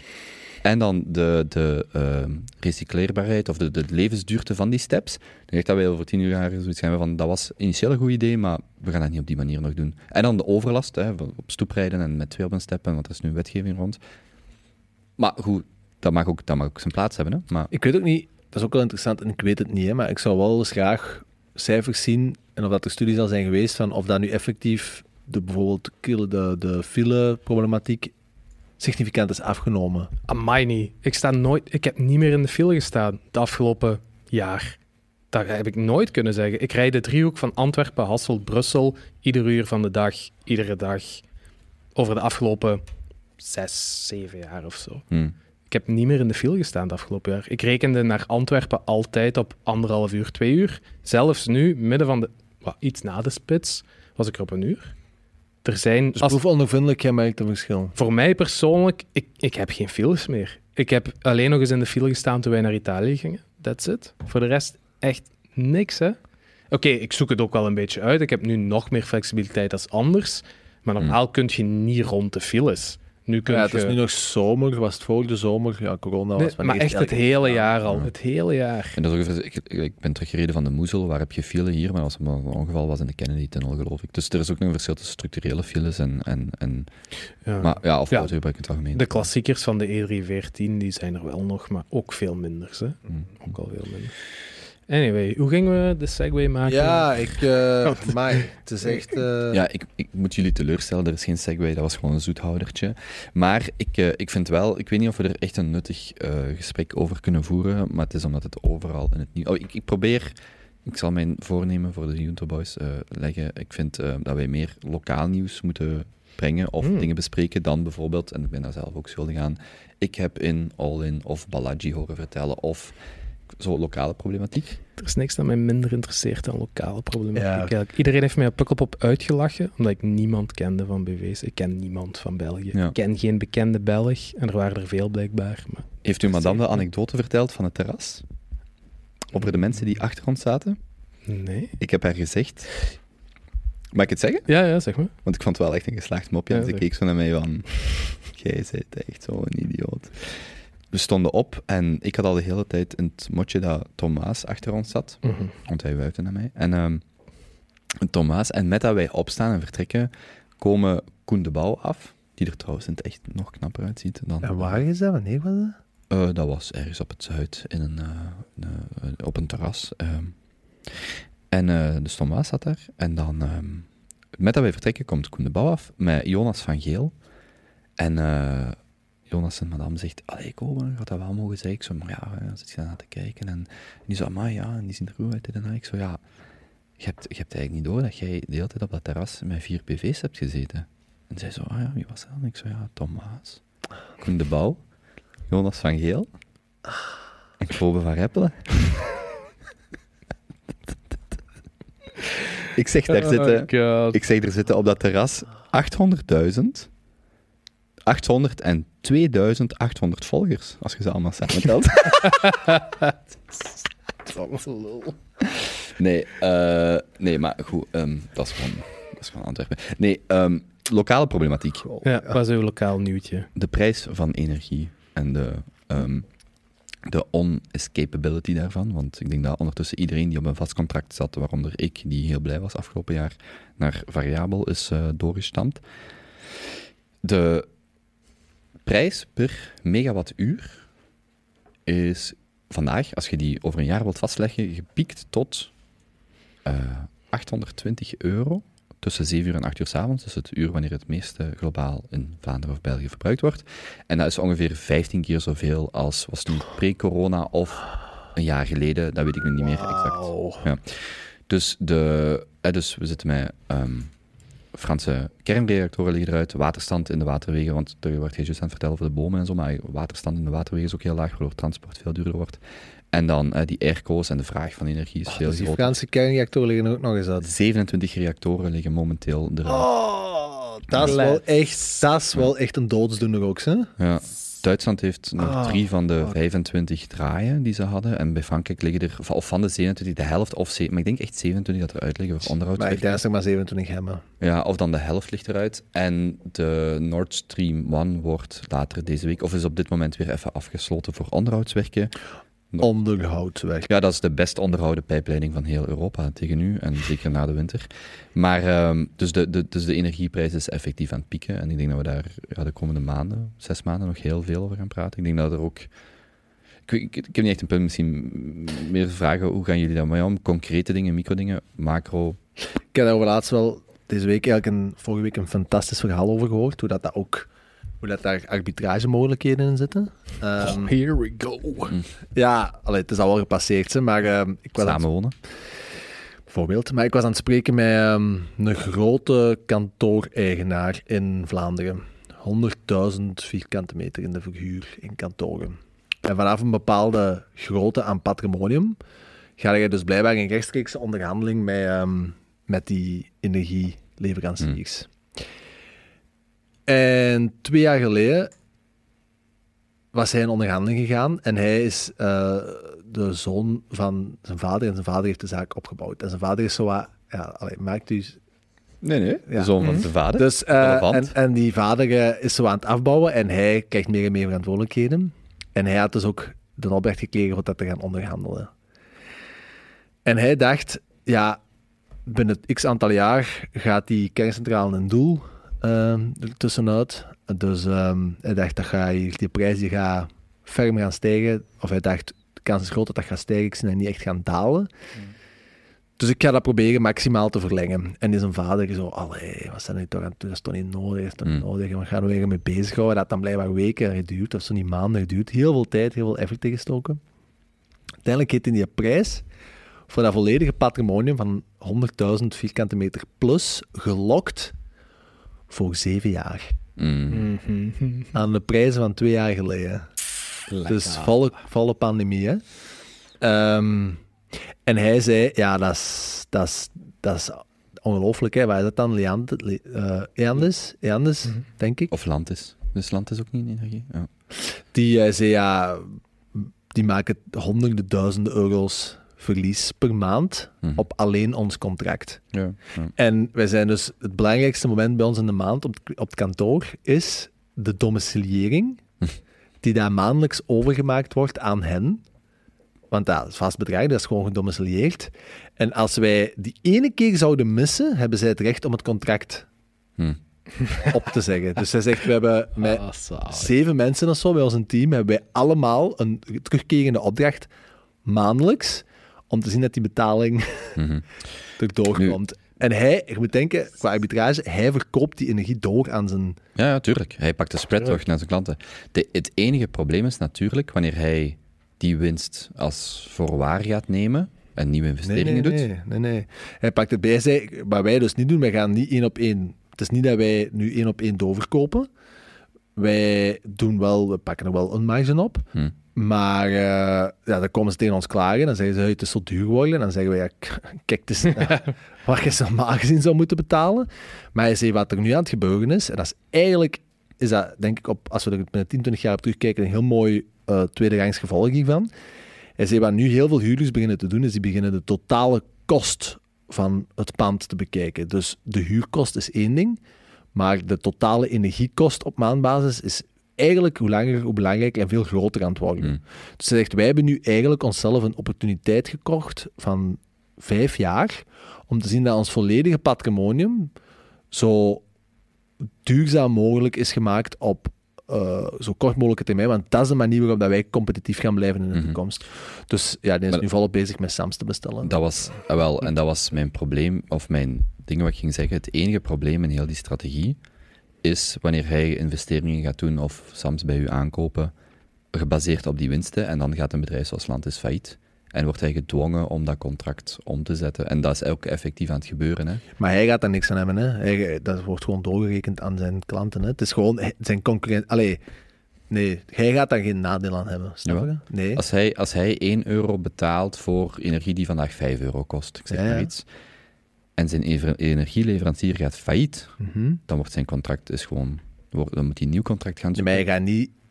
Datgene dat er is gepasseerd, gaat hij niet moeten bijleggen terug. Nee, nee, hè. nee, maar als morgen... zijn- Maar hij rekent dat gewoon door aan zijn huurders. Hè. Nee, als morgen... Ja, ja, oké. Dus hè, van die 1 euro die hij betaalt en 5 euro... ehm dus de marktprijs heeft hij eigenlijk 4 euro winst, die hij al dan niet volledig of een deel kan doorrekenen aan zijn klanten. Als hij gebaseerd op die 4 euro investeringen gaat doen in de duurzaamheid van zijn park, het enige probleem daarmee is... Ah, ik snap wat je bedoelt. Ja, maar dat gaat hij niet doen. Tuurlijk niet. Nee, nee, maar ik snap nog steeds niet. Die 4 euro valt weg als Landis failliet gaat. En dat is ook effectief aan het gebeuren. Er zijn partijen die dus honderdduizenden euro's aan één klant verliezen, die gewoon de fles opgaan. Er zijn al Vlaams, er zijn in Engeland alleen al 27 energiebedrijven failliet gegaan. Door dit soort, door de tegenkant van die contracten. Maar stel dat die nu failliet gaan en ze rekenen wel terug de 5 euro aan. Hij gaat die 5 euro gewoon doorrekenen aan zijn huurders. Dus hij heeft er geen, hij heeft daar geen, hij heeft geen risico. hij heeft geen risico. Hè? Jawel, want die investeringen worden toch gemaakt gebaseerd op die winst, niet? Ah, Nee, zo. nee, nee. Nee. Maar van waar komt dan dat geld voor die investeringen? Er, komt geen, er gaat gewoon minder geld buiten. Ja. Dat is alles. Maar je zei toch net, hij moet investeren om het pand, om eh, het patrimonium duurzaam Ja, maar dat te staat daar los van. Hij gaat Ah, dacht dat nooit kunnen gaan aanbalen bij de bank voor leningen te krijgen of zo. Hè, Nee, maar ik dacht dat hij die 4 euro winst nam om die investeringen te doen. Nee. Oh, oké. Nee, nee, nee, nee. Nee, dat is gewoon... Dat, dat had sowieso moeten gebeuren, dat patrimonium groener maken. Dat had sowieso moeten gebeuren. Het gaat gewoon nu sneller gebeuren, omdat ze die noodzaak zien vanuit de markt. Hm, hm. Snap ik wel. En dat is denk ik dat mooie, die tweede en derde Ik rangs. vraag me af of dat ooit iets wordt voor consumenten, zo de future, futuresmarkt voor energieprijzen. Maar dat je daar echt iets ja. aan hebt. Dat is te complex. Maar ik vraag me gewoon af wat dat dan nu... Er was deze week een, een eh, ding in het journaal van een bakker. Ja, Dat kan zijn, zijn ener- energiekost of voorschot, maar het ontstelde dat dat zijn effectieve kosten is, ging van 400 euro naar 2000 euro per maand aan zijn gasovens. Jesus. En Ja, bakkers blijkbaar echt aan alarmbel. ja, bakkers die zeggen als, als hier geen compensatie komt, IE, helikoptergeld, dan, eh, dan verliezen wij veel van onze Vlaamse bakkers. Allee, of in Europa, want het is niet alleen een Vlaams probleem. Maar je begint dat nu wel overal te zien. Hè. Gisteren Alexander de Croo eh, aangekondigd, het worden 5 à 10 moeilijke winters, zware winters. Dus die hoge prijzen, dat blijft echt nog... En ik vraag me af hoe lang het gaat duren voordat, we, voordat mensen openlijk gaan vragen hoeveel Oekraïnse levens is dat waard om dit niet op te lossen. Hoe lang dat die steun nog Maar dat is toch niet de vraag. Ik denk dat wel zo. Maar het is niet dat... Allee, wat, wat, wat- wat- jij, zou zeggen, dan gaan wij terug de kranen van Russisch gas volledig openzetten. Bijvoorbeeld. Ah ja. Als, als morgen er een akkoord zou zijn waarin. Stel je hebt de keuze. In scenario A blijft je wap- wapens leveren aan Oekraïne. En je zegt wij, wij sterven, wij sterven en, en, en strijden voor vrijheid, democratie, de rechten van het Westen en dergelijke. De waarden van het, rechten, van het Westen. Of je zegt in scenario B. eh Zelensky geeft de Donbass en dergelijke op. Zorg dat je een vredesakkoord hebt met territoriumverlies, de 20% die nu door Rusland bezet worden, al dan niet. Waarop je weet dat Rusland door Nord Stream 1 niet 20% knalt, maar 100%. En uw gasprijs kakt ineens met 70% in elkaar. En dan nog kan Rusland zeggen, wij doen dat niet. Hè? Ah nee, maar dat kun je wel als deel maken van, tuurlijk. Maar dat, Ja. Ik was... ehm, En dat is gewoon, denk ik wel, een vraag die mee, nu is het nog allemaal, ja, we, we gaan daar wel in mee, maar dit blijft niet duren. Hè? Maar er gaan andere vragen gesteld worden. Hè. Wij zijn nu met bedrijf bezig met een volgende kapitaalronde. En ja, gaat de verschillende investeringsmogelijkheden af. Angels, voor onze grootte van kapitaalronde, is ook nog altijd een mogelijkheid. En via een klant van ons zijn we geïntroduceerd bij een Nederlandse man die daar een hele carrière heeft opgebouwd en nog altijd aan het doen is in de energiemarkten. Dus je, ja, ik denk 30 jaar actief zit in verschillende raden van bestuur van grote energiebedrijven. Ehm, ik heb nu al een paar keer gesproken en eh, deze week, eind vorige week, hadden we een confcall. En ja, ook, het was een leuke. Ik denk dat wij het eerste half uur gewoon over heel die problematiek bezig zijn geweest. Ik vind dat ook echt gewoon breed interessant. En eh, ja, het ging dan ook, ik haalde ook aan van, ja, die, eh, dus vorige week of twee weken geleden werd publiek gemaakt dat, ehm, Am, hoe noemen ze Amraco? Het, het, Ja. het, het- het, ja, meest waardevolle bedrijf ter wereld nu, hè, van de Saudis de, de staats, het staatsbedrijf van Saudi-Arabië. Die hebben vorig kwartaal, dus op drie maanden tijd, 48 miljard dollar winst gemaakt. Dat is het grootste kwartaal in de geschiedenis van Mhm. de mensheid. Ehm, en ik zei ook van, tegen hem van, ja maar, allee, er gaan daar geen vragen aan bijgesteld worden. En hij, zijn reactie erop van, ja, ik denk de enige juiste vraag dat we ons daarbij moeten stellen, is dat we gewoon eens een goede blik inwendig moeten keren en gewoon eens met een heel kritisch oog moeten gaan kijken van wat we hier in Europa eigenlijk de laatste jaren hebben gedaan. Eh, blijkbaar in, in, in Nederland, in Groningen, zit genoeg gas om de hele Europese markt te voorzien. Hè. Wij hebben gewoon vanuit onze ja, groene illusie gezegd van nee, we gaan dat afsluiten. Terwijl die nood er gewoon blijft. En die, die productie is helemaal naar Rusland gegaan, waar ze gewoon de methaan laten afvakkelen. Mhm. En hij zei, waarom hebben we dat gedaan? Eén, ja, vanuit die ideologie, terwijl dat in de praktijk de vraag er blijft. En twee, omdat daar wat huizen begonnen te verzakken. Hij zei, als je elke inwoner van Groningen een miljoen euro had gegeven voor die paar basjes in een huis, of gewoon een heel een huis had afbetaald, Mhm. dan nog was dat een gigantische positieve zaak geweest voor heel Europa. Dus dat soort van dingen, zei hem. Daar, gaan, daar vermoedde hij dat de komende maanden en jaren wel moeilijke discussies gaan opnieuw op, op, eh, overgevoerd worden, want dat, is gaan, dat gaat volgens mij niet te houden blijven. Maar daarom, ik, het is een interessant probleem, omdat het is niet dat er geen energie is. Maar nee. De, het is gewoon dat het heel duur is. En dan denk ik dat er wel oplossingen gaan komen. Het zij van intern, het zij op andere manieren dat die energie wel aankomt. Dus het gaat zeker niet zijn dat we zonder energie vallen, maar er gaan bepaalde mensen zijn die niet meer kunnen volgen. En dat is het. Maar dat is, het maar dat is ergste. nu al, hè? Als je... Ja, dat is nu al, ja. ja. Maar dat is een heel ander probleem als dat er geen energie... er gaan geen blackouts zijn of zo. Wat heel grappig is, want er gaat meer als energie genoeg zijn. We gaan het gewoon niet kunnen vastkrijgen of niet kunnen betalen. Ja, en de vertragende variabele ervan is blijkbaar wel echt heel reëel. De vraag zit nu keihog, maar dat is vrij inherent. Dus het duurt echt twee, drie, vier jaar om extra Hmm. producten... Omdat er ook gewoon de laatste jaren onder geïnvesteerd is in alles wat fossiel is. Hè? Tuurlijk. Ja. Ja, maar ondertussen zijn ze wel in Duitsland. Zetten ze de lampen af s'nachts in de steden, de zwembaden openbaar een graad lager. Dus dat is ook een, dat is ook een schaal. Hè. Je gaat niet van verbruik naar blackout, maar je zit wel op die schaal van. En dat wordt wel genormaliseerd. Dat, bijvoorbeeld in Spanje is nu verplicht, je mocht de airco maar op zoveel graden zetten of de verwarming. En dat wordt wel. Ja, ja. Dat is die schaal waar je wel op zit. En de vraag is waar je dat, hoe- ver dat, dat gaat, hè, of mag gaan. Ja, maar er zijn nog... Ik wil maar zeggen, er zijn nog landen of regio's, zoals in Amerika en Texas zelfs, waar ze soms blackouts hebben of dingen uitvallen of geen energie meer is. Maar dat is letterlijk omdat er geen energie is. Er is niks om op te wekken, er is niks Hmm. om ergens ook maar iets van elektriciteit uit te halen, terwijl dat hier helemaal niet het geval is. Het gaat gewoon niet tot bij ons, of we kunnen er niet voor betalen. Want, ja. Ja, en dan, en dan eh, deze week ook gelezen, dat is nu wel allemaal goed en wel dat wij massaal, wij Europeanen, LNG aan het importeren zijn. Pakistan heeft daar ook zware nood aan, eh, Sri Lanka om een ander land te noemen. En die kunnen gewoon het niet betalen. Mhm. Dus wij zadelen ook ons energieverbruik heeft toch globaal een impact. Wij kunnen wel zeggen van ja, wij gaan genoeg gas hebben, dat is waar, want wij subsidiëren dat met ons eigen ja, vermogen, belasting op de toekomst. Maar die landen hebben dat niet, dus die worden gewoon volledig... Europa zegt op dit moment gewoon, wij kopen alle gas dat we kunnen krijgen. En die landen die worden er volledig uit de markt geprijsd. Mhm. Dus dan lezen wij van, oh, jammer, in Pakistan gaat het slecht. Maar ja, dat is rechtstreeks gevolg. Er gaan, denk ik, ik denk dat we een paar jaar geleden, tot, tot een jaar geleden, hadden we denk ik de luxe om met heel veel grote woorden, heel veel grote ideologische standpunten in te nemen. En de komende jaren gaat ideologie gewoon heel hard gaan crashen. En dat is volop al bezig met praktische realiteit. Joe Biden wordt president en zit met grote woorden te verklaren dat de Saudis en de manier waarop dat de Saudis omgaan met mensenrechten en wat er is gebeurd met die journalisten dat daar een stukken is gekapt in een hotel en zo, en noem maar op, grote taal aan het verkondigen. Mhm. Dan gebeurt hetgeen dat er aan het gebeuren is in Rusland. En ja, die is echt... Die is de ring moeten gaan kussen bijna. Hè? Naar daar moeten Ja. gaan vliegen, handjes moeten gaan schudden, mooi lachen op de foto, dat ze maar zouden gaan importeren. Hm. Of de productie zouden verhogen. Dus ja, dat gaat Eigenlijk hebben wij, interessant worden. Ik, denk wel een heel, ik vind dat wel heel interessant. eigenlijk hebben wij het toch goed, hè? Wij zijn afgestudeerd rond de periode van de Europese crisis. Tegen de tijd dat wij aan kindjes willen beginnen, is er de coronacrisis.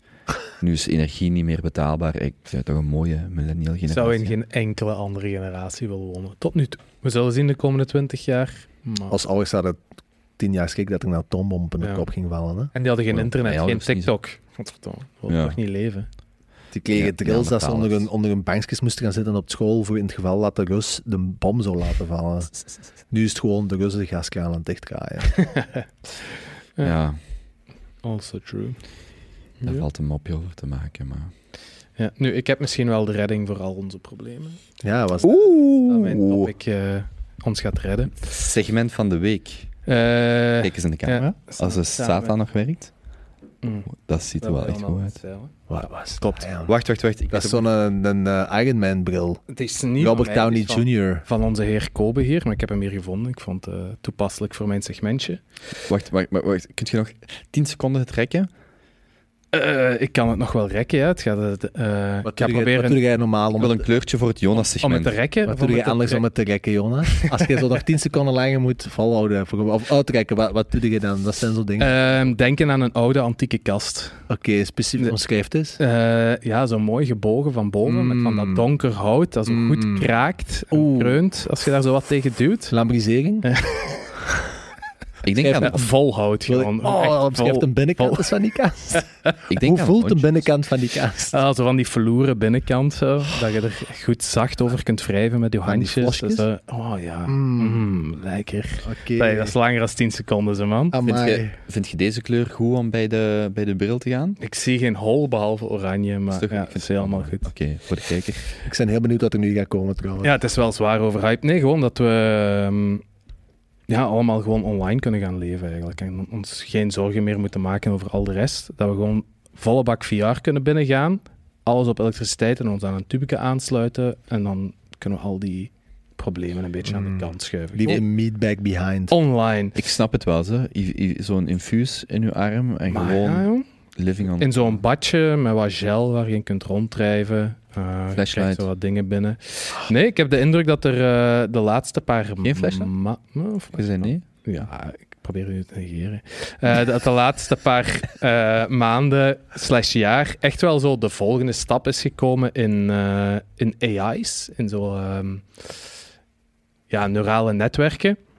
Ik dacht, het is misschien wel leuk om eens eh, toe te lichten waar we momenteel zijn qua state of the art. Want ik denk, want we hebben het daar net nog over Elon Musk gehad en die komt nog aan bod, dat veel mensen niet mee zijn op dat vlak, omdat we nu zo bezig zijn met de, met de wereldproblematiek. Hoe ver dat we al aan het stappen zijn zo naar de Matrix en alles Mm. eh, online. Met zijn Iron Man bril. Ja, het is toch echt on, echt on in point, hè? character. Wauw. Ik denk dat het ook wel leuk is om te weten waar we van komen. Ik heb het al kort uitgelegd op Kobe zijn podcasts. Maar eh, de eerste generatie van, van, van artificiële netwerken waren eigenlijk gewoon heel goed in dingen detecteren. Ik ga heel kort door de bocht gaan bij heel veel Een dingen. rookdetector. Nee, eh, om op afbeeldingen bijvoorbeeld bepaalde symbolen te leren ontdekken. Die zagen, zaten vrij simpel in elkaar. Hoe kunt je dat voorstellen? Stel je voor dat je eh, tien kamertjes hebt. Daar zit overal een kerel in zo'n kamertje. In het eerste kamertje steek je bijvoorbeeld de foto binnen waarop dat je wilt laten zien... Waarop dat je wilt laten detecteren wat dat er op die foto staat. Bijvoorbeeld een nummer of zo, of een bepaalde afbeelding. Ik zie echt geen hol met die dus die gaat af. Ehm, en alles wat dat die kerel doet, is voor iedere pixel eigenlijk zeggen, is het zwart of wit. Je mag een brilletje hebben. En dat is de, eigenlijk de interpreter van, van de foto. Maar die staat u ook wel heel goed. En die gaat dan van een foto, dus voor iedere pixel gaat hij zeggen: het is zwart, het is wit, het is zwart, het is wit. En zo gaat hij een foto omzetten in een heel rij van nummertjes, totdat uw foto volledig is omgezet in iets dat een computer begrijpt, namelijk is enetjes en nulletjes. Dus als jij een foto neemt, je zet die in zwart-wit, kun je die volledig uitlezen als eentjes en nulletjes. Dus dat is wat die eerste persoon doet. Als die eerste persoon zijn foto volledig heeft omgezet in eentjes en nulletjes, dan geeft hij dat door aan het volgende kamertje, waar gewoon iemand zit die met al die nummertjes twee tegelijk een formuleke doet, zodat je van die, laten we zeggen, een miljoen nummers naar 100.000 nummers gaat. Dus dat je één niveau dieper gaat. En die pakt bijvoorbeeld het eerste en het tweede nummertje samen, die voegt daar een formule aan toe en daar komt dan een ander nummer uit. Bijvoorbeeld het gemiddelde, of het hoogste getal, of de grootste gemene deler. Een of andere formule, maakt eigenlijk niet uit. Dus die gaat dan van 1 miljoen eentjes en nulletjes naar een honderdduizendtal getalletjes. Die heeft dat door aan het volgende manneke en die doet weer hetzelfde. Met de eerste twee nummertjes doet hij een formuleke en daar komt dan een getalletje uit. En die gaat dan naar 10.000 nummertjes. En zo geeft hij dat altijd naar elkaar door. En vanaf die eerste persoon tot al die lagen daartussen, die doen gewoon random formules eh, op hun getalletjes, tot ze bij het laatste duwtje uitkomen, die ehm, alleen maar kan zeggen wat dat er op die foto staat. Bijvoorbeeld een, een getal. Ja, als we een, ehm, een netwerk proberen te maken om alleen getallen te herkennen, dan zijn de outputs logischerwijs, heb je 10 outputs, je hebt 1, 2, 3, 4, 5, 6, 7, 8, 9 of 0. En van al die miljoen getallen, door, door al die laagjes te gaan van mensen met formules, komt je uiteindelijk uit bij een van de 10 opties. Zijn we nog mee? Ik wel. Ongeveer, ja. ongeveer nog mee. Eh, en dat was eigenlijk een van de eerste, eerste netwerken. Dus je zet een afbeelding om in eentjes en nulletjes. Daar gaan dan random formules over om altijd naar minder en minder num- nummertjes te En waar gaan. wilt je naar minder nu- nummertjes gaan? Dus in het begin heb je eigenlijk inputs. Hè. We kunnen ook gewoon de termen Dat je gebruiken. iets wilt herkennen. Ja. Zijn een getal. En de outputs zijn wat je wilt herkennen. Dus de outputs zijn van 0 tot 9, hè, 0, Mhm. 1, 2, 3. Stel, het is een netwerk om getallen te herkennen. 0, 1, 2, 3, 4, 6, 7, 8, 9. En in het begin zitten gewoon al die eentjes en nulletjes. Wacht, mensen kunnen dit niet zien. Ja, dat is waar. Ja, Kan ik ja. zeker. Er zit gewoon een heel rijtje van eentjes en nulletjes. En je wilt van die hele grote set nummers eigenlijk naar nog maar negen opties gaan, die u dan het juiste resultaat geven van wat dat er op die afbeelding Of een staat. foto van deze ruimte. Je wilt gewoon weten welk, wit, welk licht is wit. En dus van alle licht dat je hebt, wilt je gewoon iets trainen om wit te herkennen. Ja. Bijvoorbeeld. Dus je gaat van heel veel inputs naar een paar outputs. Ja, Daar heel weinig outputs. Dus stel dat je een miljoen nummertjes hebt, je zet er dan ja, een laag tussen, waar dat random berekeningen gebeuren met andere nummertjes. En die, die zijn allemaal random, zoveel lagen diep, totdat je nog maar op negen nummertjes uitkomt. En dus gaat daar na een tijdje ook een random nummer uitkomen. Oké, maar dat was de eerste fase van... ja, dat ja, was de eerste fase. Vrij simpel. Ja, dus Relatief. dat ze gewoon iets herkennen, een nummer van 0 tot 9. Dus in dat opzicht hadden we toen een systeem ehm, om dingen te herkennen. En dan zijn ze erachter gekomen dat als we dat systeem nu andersom bouwen, dan kunnen we ook dingen gaan genereren. En dan Hmm. komt je uit bij systemen als... eh, Oké, DALI werkt helemaal niet op die manier, maar wel iets gelijkaardigs. Dus in de plaats van te beginnen met een hele grote reeks nummers naar kleine reeks nummers te gaan, draait je het om en vraagt je aan dit systeem, maak mij nu een 9. En die gaat weer door al die laagjes en door al die random formules, totdat daar een grote reeks aan eentjes en nulletjes uitkomen. En zo kan die dan een bepaald cijfer genereren. En dan heb je eigenlijk twee systemen die dat een nummer kunnen detecteren of een nummer kunnen genereren. En die kunnen dan tegen elkaar werken, een soort, ja, dat heet dan adversarial networks, om elkaar beter te trainen. Want je kunt dan aan één systeem vragen, Ja, gelijk een relatie. eigenlijk gelijk, een relatie, dat is prachtig. Je kunt dan aan één systeem vragen, genereer mij een 1. En daar komt dan een hele reeks ja, nummertjes uit, die dan samen een afbeelding vormen. Je geeft dan die afbeelding aan het vorige netwerk. En die kan dan proberen te herkennen of het een 1 is. En zo kunnen ze elkaar beter en beter optrainen. ehm, Hm. en, en zelf beter worden in het detecteren en het genereren van eh, nummertjes. Daar zijn we nu al een aantal jaren verder. En omdat we nu zoveel kunnen genereren, en dat zie je bij ja, DALI en bij, die, bij de andere systemen die, die mooie afbeeldingen kunnen genereren, is nu het enige probleem eigenlijk nog snelheid en ja, vooral snelheid en resolutie. Dus nu kunnen we in 2D afbeeldingen maken. En nu zijn we de volgende stap aan het zetten om ook naar 3D te gaan. Video. En om sneller en in real time eigenlijk dingen te kunnen genereren. En dus een van de laatste papers die is uitgekomen, is dat nu... Je leest ook echt zo'n papers, hè? Ik volg die wel, ik lees die niet Ah, ja. volledig in detail. Is dat eh, Microsoft nu in 3D eigenlijk gewoon random mensen kan genereren en Hmm. daarop eh eender welke gezichtsuitdrukking kan plakken. En dan over die gezichtsuitdrukking ook een echt mens, een eh, gebaseerd op andere Ik mensen heb dat mijn perskit. Quotes van mensen over de Kobe Show, maar dat zijn allemaal zo van die gegenereerde gezichten. Ja, ik heb aan de Ja. week ook ontdekt, zo thispersondoesn'texist.com. Dat is ook een toffe website. Fuck, dat is creepy, man. Gewoon Dus- refreshen en je ziet echt gewoon mensen en je denkt, ah, Die die, niet staan bestaan. allemaal niet. Dus wat ben ik honderd keer tegengekomen op het internet, gisteren denk ik, is Elon Musk, die dat in een filmpje zegt dat hij een nieuwe token heeft opgericht. En dus echt dat je zijn gezicht, gezicht ziet bewegen en hem de woorden ziet zeggen van hello everybody, welcome to this. Ik denk dat dat van die keynote was. Uh, I just created a token. If you want in on my uh, new crypto token, just comment on this picture. En dat is een volledig filmpje van Elon Musk Levensecht. echt... ge- ah, de eerste twee keer had hij mij liggen, want ik was echt aan het luisteren naar de Elon en ik was wel fan. Dan gaat het misschien beter doen dan die tokens van Martin Shkreli, die ik gekocht heb nadat je daarover vertelde. amai, ja, Jesus Christ, die gast is hard op zijn baks gegaan. Ze. Kleine tangent. Andere keer. Eh, maar ja, dus we zijn op het punt dat eh, AI's gewoon mensen kunnen genereren, eender wat kunnen laten zeggen, volledig in 3D, in real time. Nog even en we kunnen gewoon ons brilletje opzetten en we zijn... We zijn toch zo fucked. We zijn van al onze problemen af. Nee, ik ben er klaar voor. Maar we zijn toch, Alle problemen zijn toch opgelost? we zijn toch volledig fucked. Maar hoezo fucked? Dat is de volgende iedereen- evolutie. Barack Obama kan in één keer een kleine aan het lastigvallen zijn. Ja. Nu zegt dat dat nog niet gebeurt. Nou. Kent je regel 34 van het internet? Nee. Rule 34. Wat is dat? Reddit.com slash forward slash r forward slash rule drie, vier. Dat komt van vroeger van de messageboard en zijn zo regels van het internet. En 34 is, als het bestaat, dan bestaat er ook porno van. Uh, Not safe for work. Als je trouwens, een, dit moeten we in de show notes zetten, als je een drankspel wilt maken, elke keer drinken als Jonas het woord nummertje zegt in deze aflevering. Ook nummertje. Ja. Maar, Maar jij zet daar, jij zet daar, allee, ik zie daar ook het coolste, vind ik, maar we hebben het een paar afleveringen geleden ook over gehad. Je hebt ja, bijvoorbeeld een Christopher Nolan, die dan niet meer voor een budget van 200 miljoen moet gaan, gaan besmeken bij een grote studio. Mhm. En dan vervolgens vijf jaar een tijd nodig heeft om zijn topacteurs en zijn, zijn, zijn cineasten en zijn, zijn grafische medewerkers en zijn, zijn, noem maar op, heel dat team bij elkaar te gaan plannen om dan een film te maken, maar die dan gewoon s ochtends uit zijn bed rolt, eigen achter zijn computer zet, begint te schrijven wat er in zijn geniale kop rondgaat Hm. en tegen het einde van een dag is dat exact hoe dat hij het ziet te downloaden en te bekijken. Ja, dat, is zalig. dat, is, Dat is toch maf? dat is gestoord. Maar dat zou er, ze zeggen altijd, dat is er binnen de volgende twee papers. Dus nu is de basis er. Als je dan nu nog Hmm. twee papers geeft, dan zijn we daar wel. Dat je dat kunt doen. Dat dus jij, wanneer, jij schat dat dit decennium nog.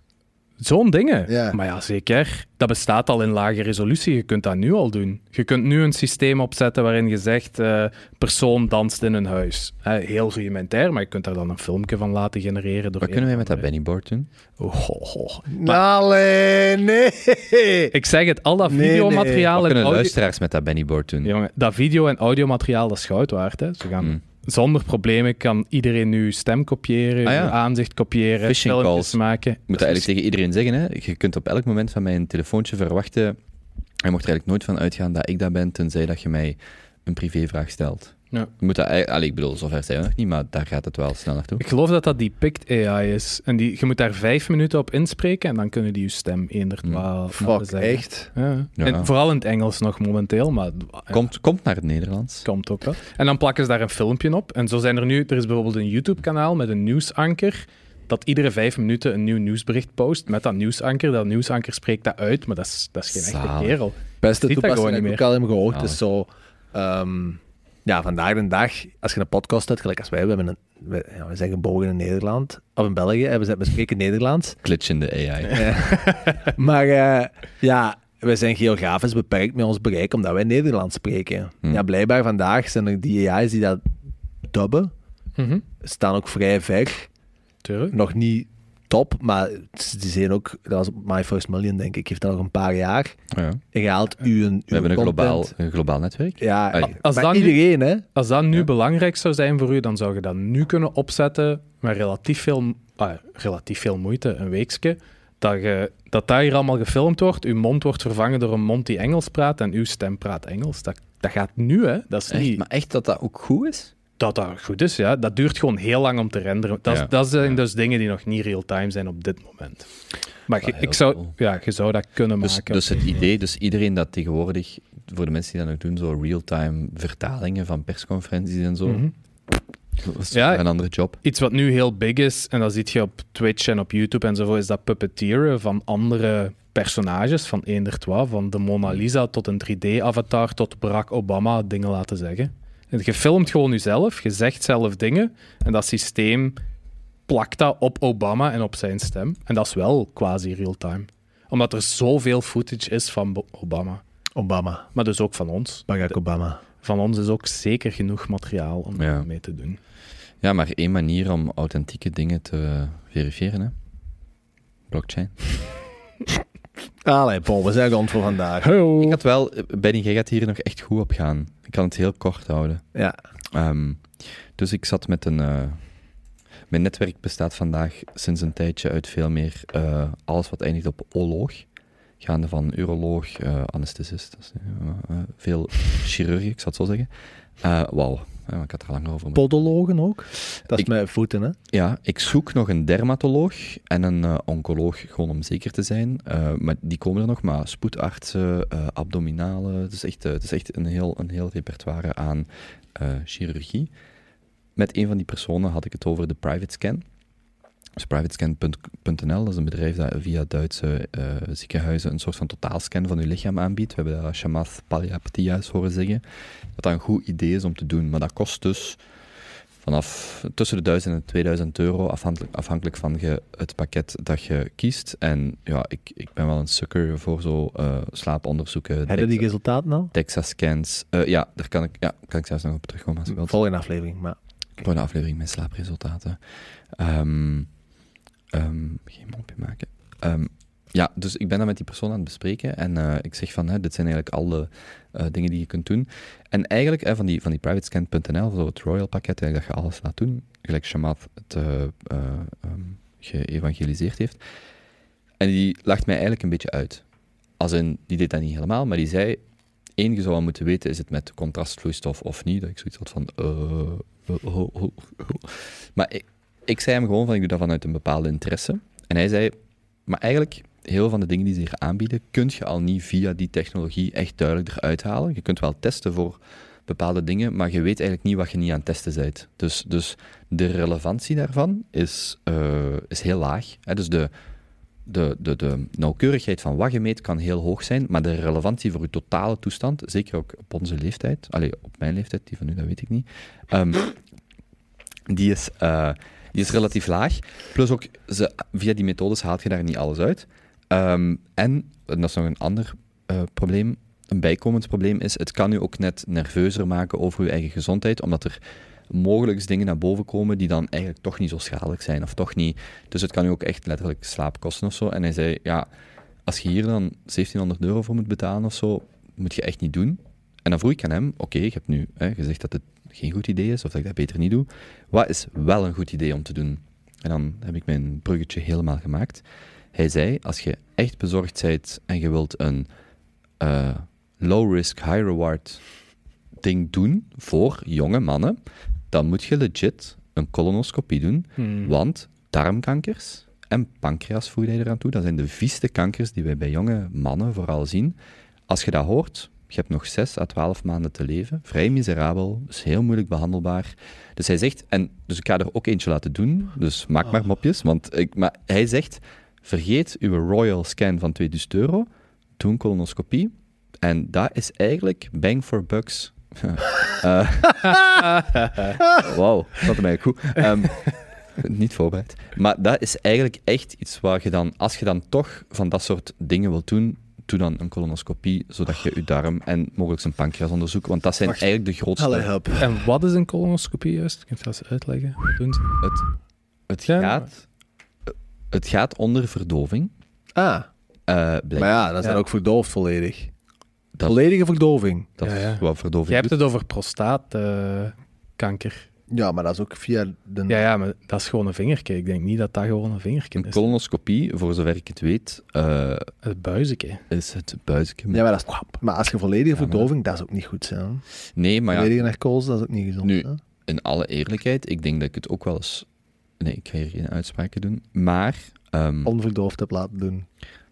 Eh, ik weet iemand die zal zeggen, ik zal dat wel eens onverdoofd bij je doen, met een veel te grote glimlach op dat Mm. gezicht. Maar ehm, dat gezegd zijnde, ik vond het wel interessant om... eh, Je stapt zo even in, je gaat mee in die bubbel van, oh ja, we kunnen dit en dit allemaal doen. En dan praat je met een expert of iemand met een bepaalde expertise en die zegt, man van 30, als je iets wilt doen, echt voor je gezondheid, colonoscopie, want dat zijn eigenlijk de vuilste dingen die de grootste problematiek veroorzaken, of die eigenlijk, eh, opnieuw, eh, weinig geld, heel veel eh, gemoedsrust, in verhouding tot een MRI van je longen of van je hart laten doen. eh röntgen sowieso al niet, maar Hmm. waar je eigenlijk niet zoveel aan hebt. Ik vond het wel, ik vond het wel heel fijn om dat Sowieso. persoon besproken te hebben. Maar die bekijken dat, naar mijn ervaring, als ik met professionele geneeskundigen praat, die bekijken dat ook altijd vanuit zo de resource constraint. Van, er zijn mensen Hmm. waar we van weten die dat dingen hebben, die zijn al twee weken aan het wachten op hun scan. Maar dat we effectief van denken dat er een kanker is en jij gaat daar even gebruik Ja. maken van schaarse goederen. Mhm. Maar Ik was ook aan het denken, of hij was gewoon beu en hij dacht, het was het leukste dat ik die gekeken Ja, ja, ja, ja. Zoals het goed is. En, eh, Ik ben er nog wel een leuke aan het doen momenteel, van dat soort van dingen. Maar daar ga ik de volgende keer over vertellen. Teas- Teaserke? Is het, of, Er worden stalen afgenomen. ja, Ja, ja. hmm. meer ga ik zeggen eh, als ik de resultaten heb. Het is binnen Hmm. twee à drie weken. Staal afgenomen. Ik kan alleen maar aan vettige dingen denken. Obviously. Oké, ehm, we hebben mooi rekening gehouden met Benjamin zijn tijdslimiet. Dat denk Het ik. was, ehm, het was een goede oldschool Junto Boys aflevering. Zo nog eens hè, met de, de originele harde kern en goed doorgeneurd. Van, van Ja, en dan heb ik nog niet gezegd zo wat is het tot. dat ik Mr. Nobody herbekeken heb. Oh, Ik wist dat hij daar goed op ging. beste film. Nee, dat is niet waar. Het is een hele goede. Mr. Sandman, give me a dream. Het gaat een tijdje duren dat we nog eens gaan opnemen, denk ik. Hoe lang zijn je weg? Eh, ik ben eh, ergens eh, midden tot eind september terug. Ik ben drie weken weg. Oké. En dan hebben we... Misschien Ik kunnen denk de toch nog- 24e, misschien daarvoor ook. Maar ja, we kunnen misschien dat we online toch een doen met een Ja. film dan. Ik wil ook wel, als Ja, we dat wel eens ene keer een online doen, kan ik ook nog wel eens pro allee, proberen, want het is een uurverschil van zes uur, Mhm. denk ik, tijdsverschil, om in te bellen. Maar eh Zoals ja. biedt een datum gevaar. Hey, Yes. boys, het was hier wel heel warm. Amai, ik was aan het Oh, zweten. ja. Ik ben nog altijd kapot aan het zweten. Ik ja. was ook in het begin echt aan het Jesus zweten gelijk een buffel. Het is voor Hmm. mij echt hier. Hier staan al die lampen volgens mij. ja, ik heb u op de warmste plek gezet. Shit. Hem op de tweede warmste, bij die computers daarachter die aan het blazen zijn. Oh ja, ik was aan het snuiven. Het is echt warm hier. Ja. Ja. Ja. Dat gezegd zijnde, ehm, ik vond het weer zeer, zeer aangenaam. Toch altijd gezellig, hè? Altijd leuk. Zal ik jullie iets tonen? Ik, wat ik niet op camera durf tonen? Ik weet niet of je het ziet. Het valt nog mee. Oh ja. Leuk. Dus als je wilt zien wat Komen nu ons nu heeft geflasht, als de SSD, nee het is geen SSD, als hij de schijf het niet heeft begeven, kunnen we het op YouTube zien. Het is, een, het is iets roodvormig en het is geplaceerd op een gevoelig lichaam, lichaamsgedeelte van de heer Van Geppelen. En ik heb het deze morgen om 12 na 11 gekregen. 12 na 11, Oh. je laat nog verlof. Ik weet nog exact waar ik was, met wie, wanneer. Mm. Met Boris op de Jutsi Club. no shit. Unex- Ja, Ah, unexpected. ja, Oké, unexpected. plot twist. Lekker. Cool. Alright, boys. Tot de volgende. Bye bye. Bye bye. Doei. Ik moet een beat geven. Give me one. Junto Boys. Junto. Junto.